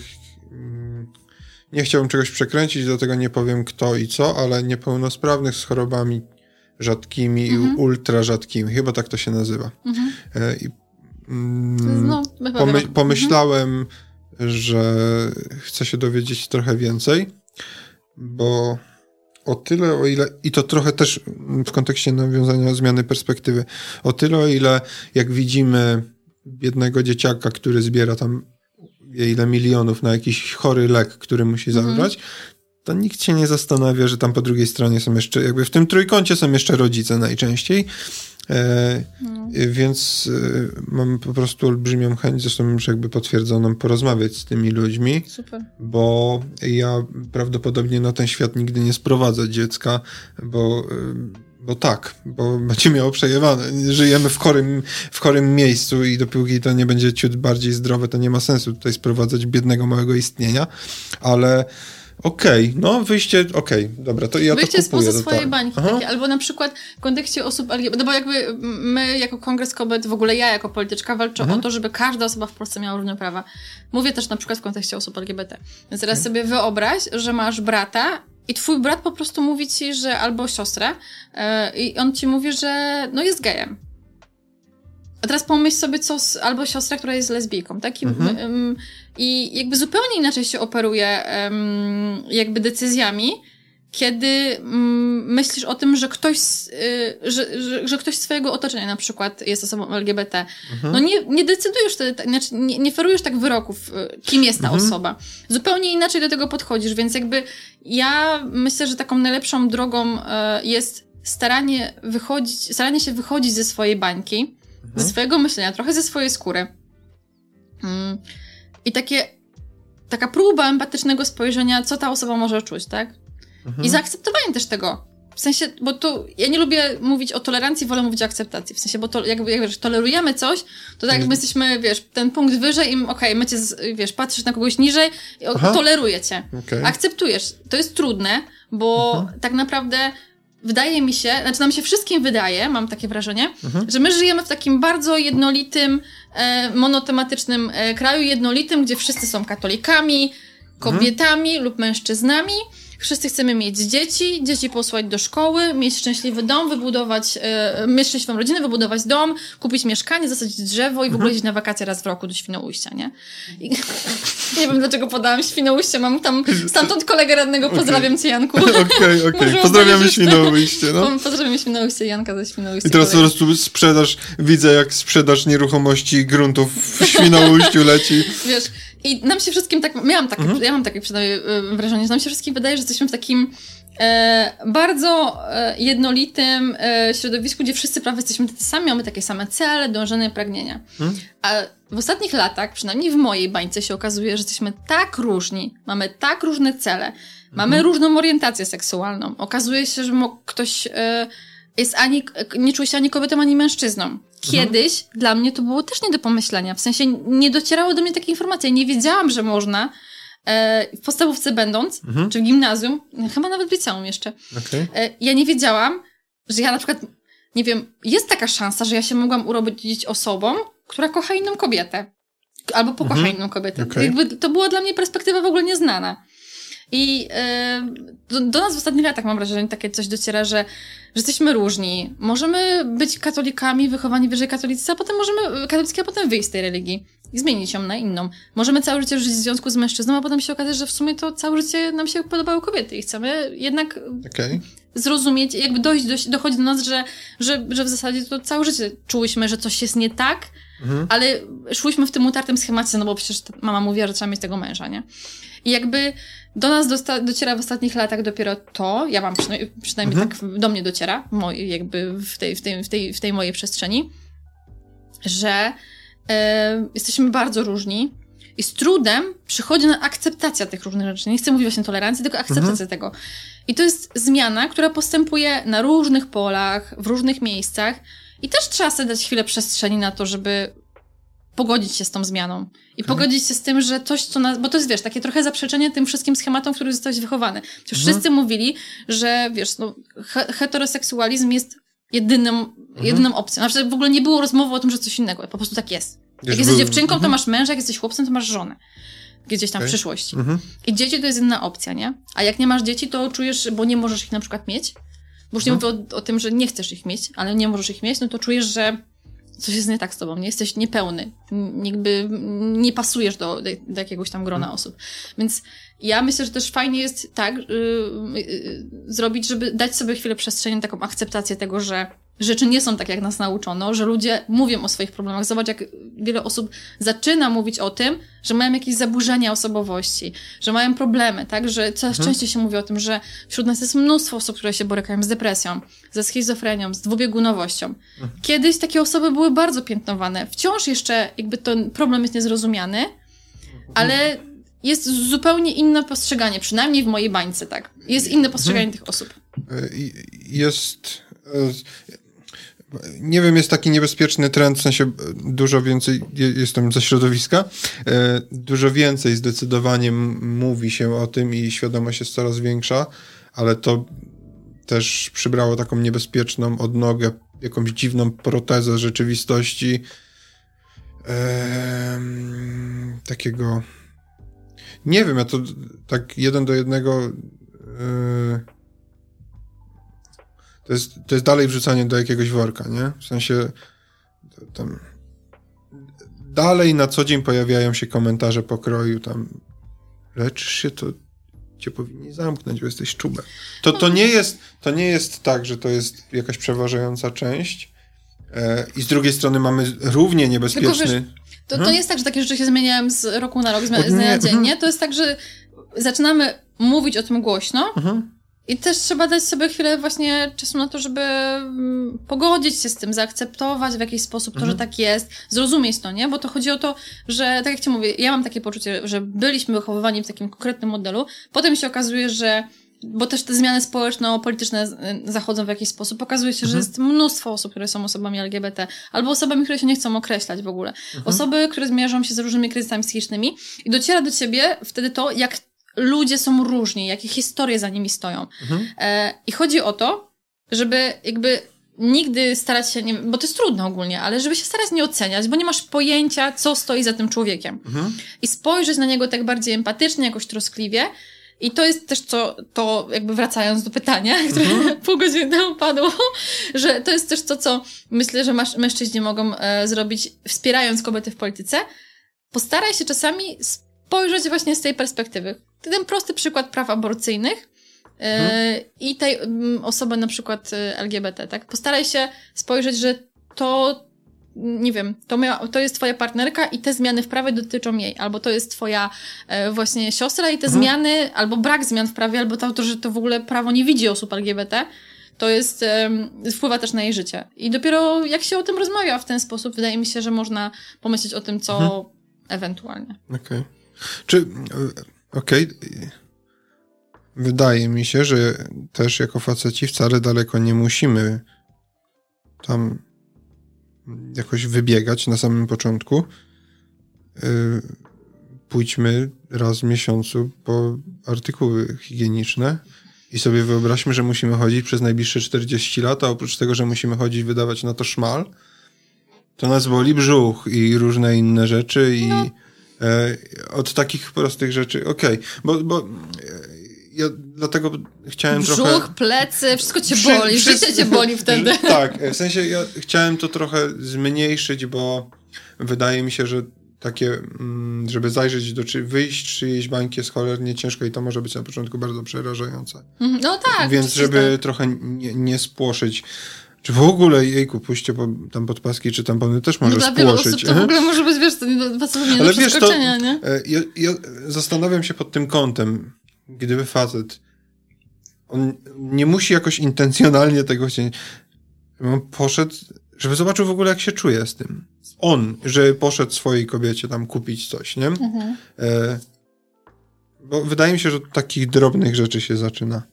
Ja się muszę bardzo dokształcić w, kon w, konkre- w kontekście tych rzeczy, o których mówiłaś, związanymi takich bardziej technicznych, bo na pewno trochę nadgryźliśmy temat, a ja nie chciałbym, głównie z tymi waszymi działaniami Kongresu Kobiet. Chyba innym razem już. Tak, tak, tak, na pewno, bo to ja po pierwsze muszę chcieć o coś, co jest, znaczy muszę potrafić jakieś e, sensowne pytanie zadać, a do tego mi potrzebna jest trochę wiedza, więc na pewno będę chciał cię zaprosić jeszcze raz. Powoli zmierzając tak, do myślę, końca. Że już do końca, bo powoli, nagadałam się trochę. Powoli zmierzając Mam do nadzieję, końca. że to nie będzie nudne. E, nie, będziemy po prostu na repicie odtwarzać. E, to, jest, to są sekcja pytań i odpowiedzi. Każdemu gościowi zadaję te same rzeczy. Najlepiej wydane 100 zł w życiu. W kontekście takim, że gdyby hmm. którykolwiek z naszych słuchaczy, widzów e, miał stówę w portfelu i nie wiedział, co z nią zrobić, to to może być dobra sugestia, żeby spróbować. Jak sobie myślisz o stówie w portfelu wolnej dla siebie, to taka rzecz, która ci przychodzi do głowy, to była dobrze wydana stuwa. Przyszło mi na myśl bilety lotnicze do Włoch, ale e, okay. nie zawsze jesteś w stanie w tej cenie kupić, chociaż okay. się zdarza tak, że możesz kupić za 100 zł e, mhm. w dwie strony, na przykład do Wenecji. Okay. Ale jeżeli jakaś wolna przestrzeń, no to na bilety lotnicze do Włoch. Okej. Okay. Dobra, bo to całkiem sporo mówi. Po pierwsze na jakieś wypoczynek, yy, otwarcie się, czy też yy, doświadczenie czegoś, zobaczenie czegoś, a po drugie dla siebie. Dla, dla siebie. Dla siebie, okej. Okay. No, rozwój, e, zobaczenie pięknych miejsc, miłość do makaronu, okay. Włoskiego wina i, i włoskich widoków, włoskiego klimatu, e, ciepła i dostrzeżenie innej perspektywy, rozszerzenie trochę horyzontów i tak spojrzenie. Ja lubię, jak gdzieś jeżdżę, to patrzeć, jak ludzie żyją, nie? Ja bardzo zwracam uwagę na to, czy elewacja jest e, pobrudzona, czy chodniki są wyremontowane, czy to drzewo jest ochronione. Trochę tak, ale ja dzięki temu patrzę, wiesz, jakby patrzę, kurczę, tutaj można śmieci zagospodarować w ten sposób. Nie musi to mhm. być, wiesz, taka wiata śmietnikowa, tylko może być taki kubeł, który chroni jeszcze przed szczurami. I ja tak trochę biorę z tego inspirację, ale jednocześnie mhm. patrzę, okej, okay, da się w inny sposób. Jakby nie musimy robić tak, jak mamy. Skądś ci ludzie biorą te, ten rodzaj kubów. Przecież może my też możemy brać, nie? Więc okay. jakby patrzę trochę inspiracyjnie, rozwojowo, ale jednocześnie jakby daje mi to taką e, przestrzeń do tego, żeby nie zamykać się w, w tym, co znam już, tylko mhm. żeby mm, spróbować, że mm, zobaczyć, że a może to jest lepsze, a może to jest gorsze. No. Okej. Okay. E, druga rzecz. Mm, pewnie będzie tego dużo, ale e, takie idee, organizacje, stowarzyszenia, fundacje, wstaw dowolne, wszelkiego rodzaju aktywności społeczne zrzeszające ludzi działających w dobrej sprawie, które albo ty śledzisz, oczywiście tam damy w tych linkach wasze wszystkie rzeczy, więc na pewno Kongres Kobiet, na pewno, e, ja nie wiem jak się nazywa, czy to jest jakieś ugrupowanie, ta wasza Rada Miasta, że w sensie to jest taka ekipka, którą można gdzieś zaczepić? Nie, czy, na okay. Facebooku nie zaczepisz. Okay. E, które albo wspierasz i patrzysz, albo wręcz w drugą stronę uważasz, że to jest bardzo fajna rzecz, a za mało osób o tym wie. Fundacja Centrum Praw Kobiet, okay. Dolnośląski Kongres Kobiet mhm. i Ogólnopolski Kongres Kobiet, mm, Kultura Równości, okay. Wrocław, wspieranie osób LGBT przede wszystkim. Um, Różowa Skrzyneczka, Fundacja Różowa Skrzyneczka, która się zajmuje tabu menstruacyjnym, zahaczyłeś mhm. o, o tak. okres właśnie, mhm. więc jakby tak, to jest, e, to jest bardzo ważna organizacja, także e, Fundacja Różowa Skrzyneczka. E, a, mm. a Ada... A, Ada Klimaszewska. Tak, Ada prawdopodobnie się pojawi. Moja przyjaciółka. Tak. O, e... Jest, no tak, tak. Okej, okay. tak, tak. Różowa Skrzyneczka. Tak, Różowa Skrzyneczka. Mm, myślę tematami Fundacja Sędzimira, która się zajmuje szeroko rozumianą zielenią. Fundacja Batorego, na pewno. Fundacja Szkoła Liderów. Mm. I ty się tak rozpędzasz, a będziesz musiała mi te wszystkie linki później podać. No dobra. tak, no to na pewno tak, okay. te, te, te, te organizacje. Dobra. E, ten segment nie ma nazwy, to jest segment e, Stage is Yours. Wszystkie rzeczy, albo jakaś rzecz, która nie padła podczas tej rozmowy, nie została powiedziana, nie nie było o nią pytania, nie poruszyliśmy jej, ja uważam, że warto było ją dorzucić. Chyba, że nie było nic. Mm, czekaj, mi się W kontekście takim, wiesz, nie chciałbym, żeby coś było na siłę tutaj, tylko, że akurat ci wpadło, że na przykład, a nie wiem, a to w ogóle wszystko nie miało sensu i nie rozmawiamy. Nie, nie, no w ogóle nie, no to, czekaj, bo się pomyliła, albo się, nie, czekaj, nie nagrałeś. Nie, tak, możemy właśnie powtórzyć dubelkę. A, a jakie było pytanie? Zrobimy dubelka. E, mhm. Mm, bardziej taki przekaz, że mhm. byśmy nie byli nigdy obojętni na to, co się dzieje wokół nas Myślę, że to jest ważne, żeby nie być obojętnym na to, co się dzieje wokół nas. W przestrzeni w ogóle mówię o mieście, w tym, nie wiem, że gdzieś rozwalają drzewo, gdzieś wycinają drzewo, rozwalają chodnik, coś się dzieje. A sąsiadowie wycinają... Yy, tak. Yy, no, katalizator. Tak. My nie być obojętnym ostatnio... na to, co się mhm. dzieje w przestrzeni, nie być obojętnym na to, co się dzieje u ludzi.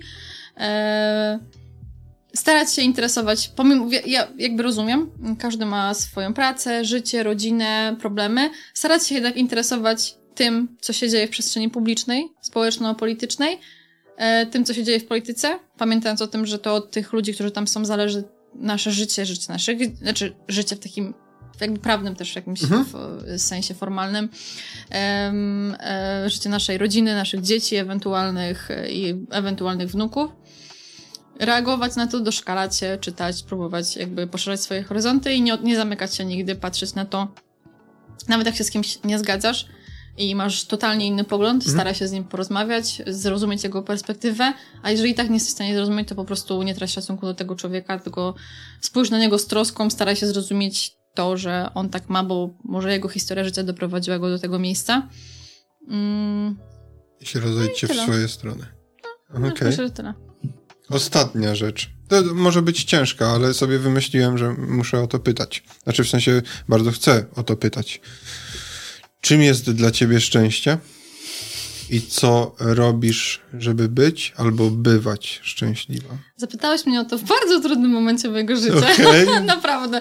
Gdybyś mi zapytał to trzy tygodnie temu, okay. to powiedziałabym, że e, relacja, w której jestem. Okay. A teraz powiem ci, że... Ale pamiętaj, że to wychodzi później, więc... To może generalnie może być tak, że mo, może jak sobie wiesz, tak zwizualizujesz, że mówię już o tym, to jak to wypuścimy, to już wtedy się tak, to zrealizuje. To będzie jakaś taka multilevel incepcja. Tak, tak. Nie, wiesz co?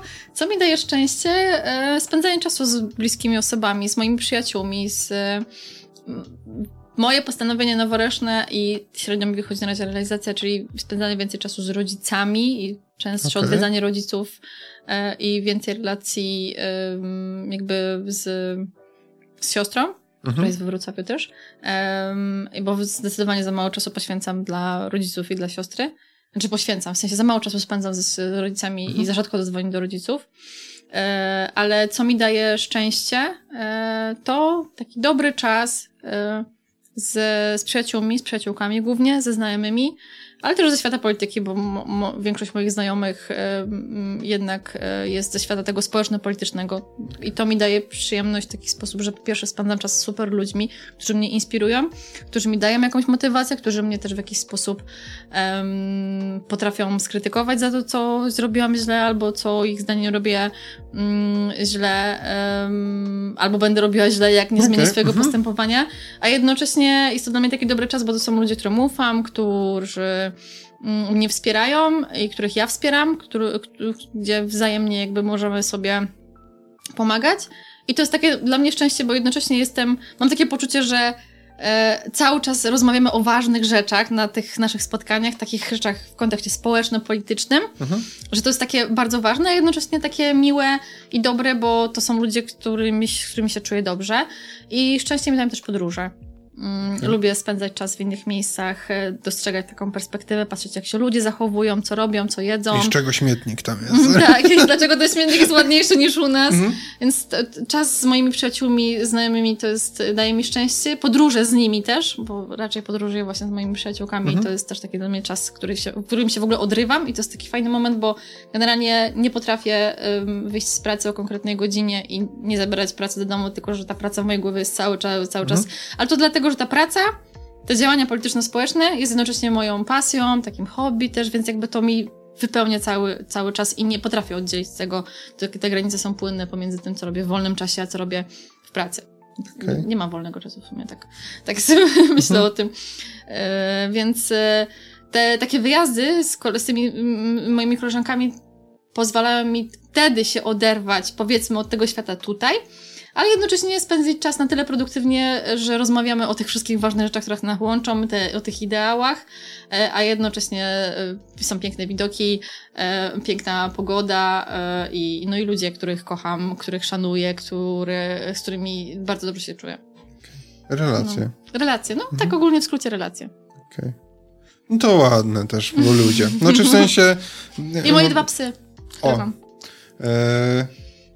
ja, e, mam w ogóle takie wrażenie, że trochę takie e, powoli następuje taki jakiś e, pivot w kierunku jakby polepszania tych relacji. Nie wiem, czy to jest świadomość społeczeństwa, czy po prostu e, te wszystkie kolejki do terapeutów się udrożniły i teraz jest lepiej. Nie mam, nie mam pojęcia, ale... Ale jest lepiej, no będzie Aha. lepiej. Będziemy są wszyscy gadać, to będzie lepiej. Jak się nie spalimy yy, nie. albo nie powytłuczemy, to pewnie za jakiś czas może będzie lepiej, a może nie będzie. E, bardzo Ci dziękuję za rozmowę. Ja Tobie również. To był najdłuższy wywiad w moim życiu. Super. E, to nie, nie był wywiad. Dobra, ale to było super doświadczenie, naprawdę. To jest bardzo fajne. E, I mam nadzieję do następnego razu. Dziękuję Ci bardzo za zaproszenie. Mam nadzieję do następnego.